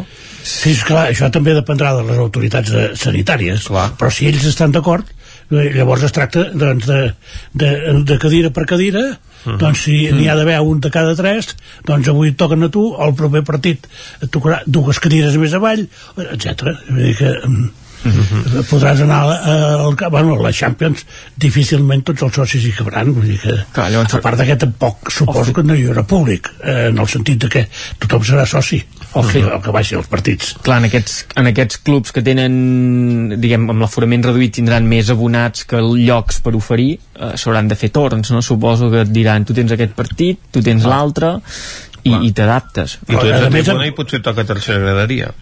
Clar, per exemple, en el Girona sí que han dit que mantin, intentaran mantenir sempre la, La ubicació. la ubicació. Si estàs a preferent, preferent, si estàs a segona graderia, segona graderia. No, però jo, jo ho veig clar, vull dir que si eh, són un 30%, doncs eh, un de cada tres, i si avui toca el seient 1, eh, doncs el primer partit el, el 3 i l'altre el 5, vull dir que és, és, és fàcil. I un de cada tres partits, eh, el que passa que, clar, la Champions, qu- quants partits té? Vull dir, són, doncs, sí. deu ser tres a la primera fase, sí, i llavors a la segona depèn del que passis. Clar, clar, vull dir que, mm, és, és difícil que tots els socis hi puguin anar. També jo em pregunto és, si la UEFA ho permet, per què no ho permet la federació? És que els estadis semblarien un entorn eh, Segur. factible no? i segur, perquè és un, a l'aire lliure pots controlar molt l'entrada de, de públic que passa, eh, el ministre Illa, que no és pas un, una persona que sigui santa la meva devoció, però va dir una cosa que ja l'entenc, que sobretot a les sortides, a la- a la- a l'acabar els partits, es produeix un, un, sí, uns taps. veritat. que és, I a les són- entrades.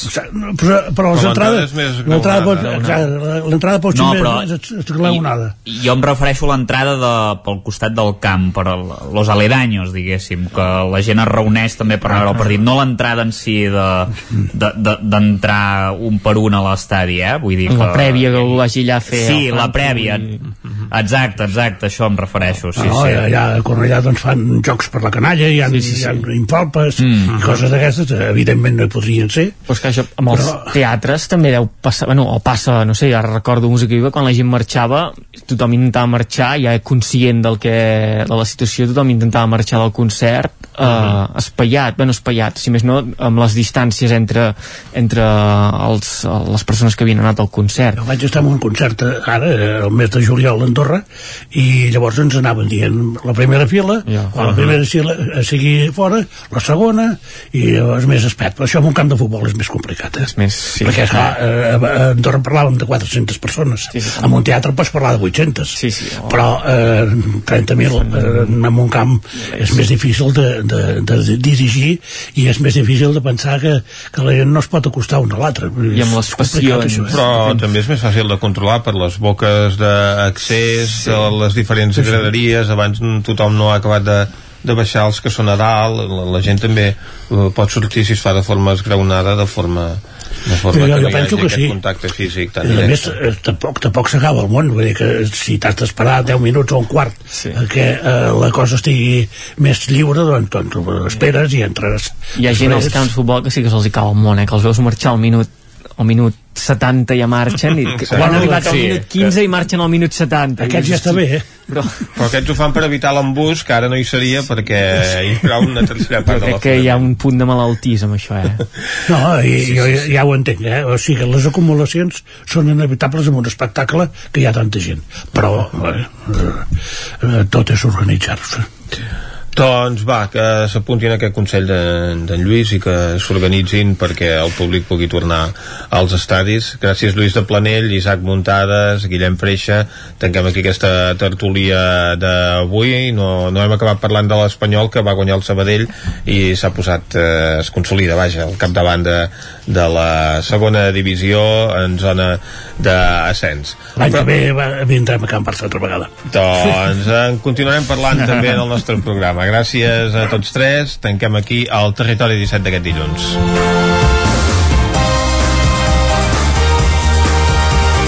Doncs ens acomiadem.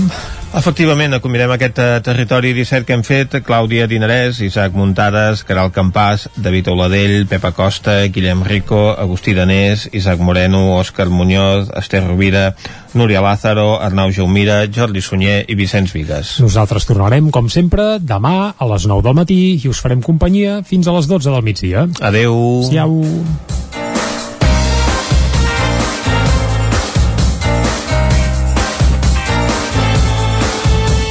Territori 17, un magazín del nou FM. La veu de Sant Joan Ona Codinenca i Ràdio Cardedeu amb el suport de la xarxa. El nou FM.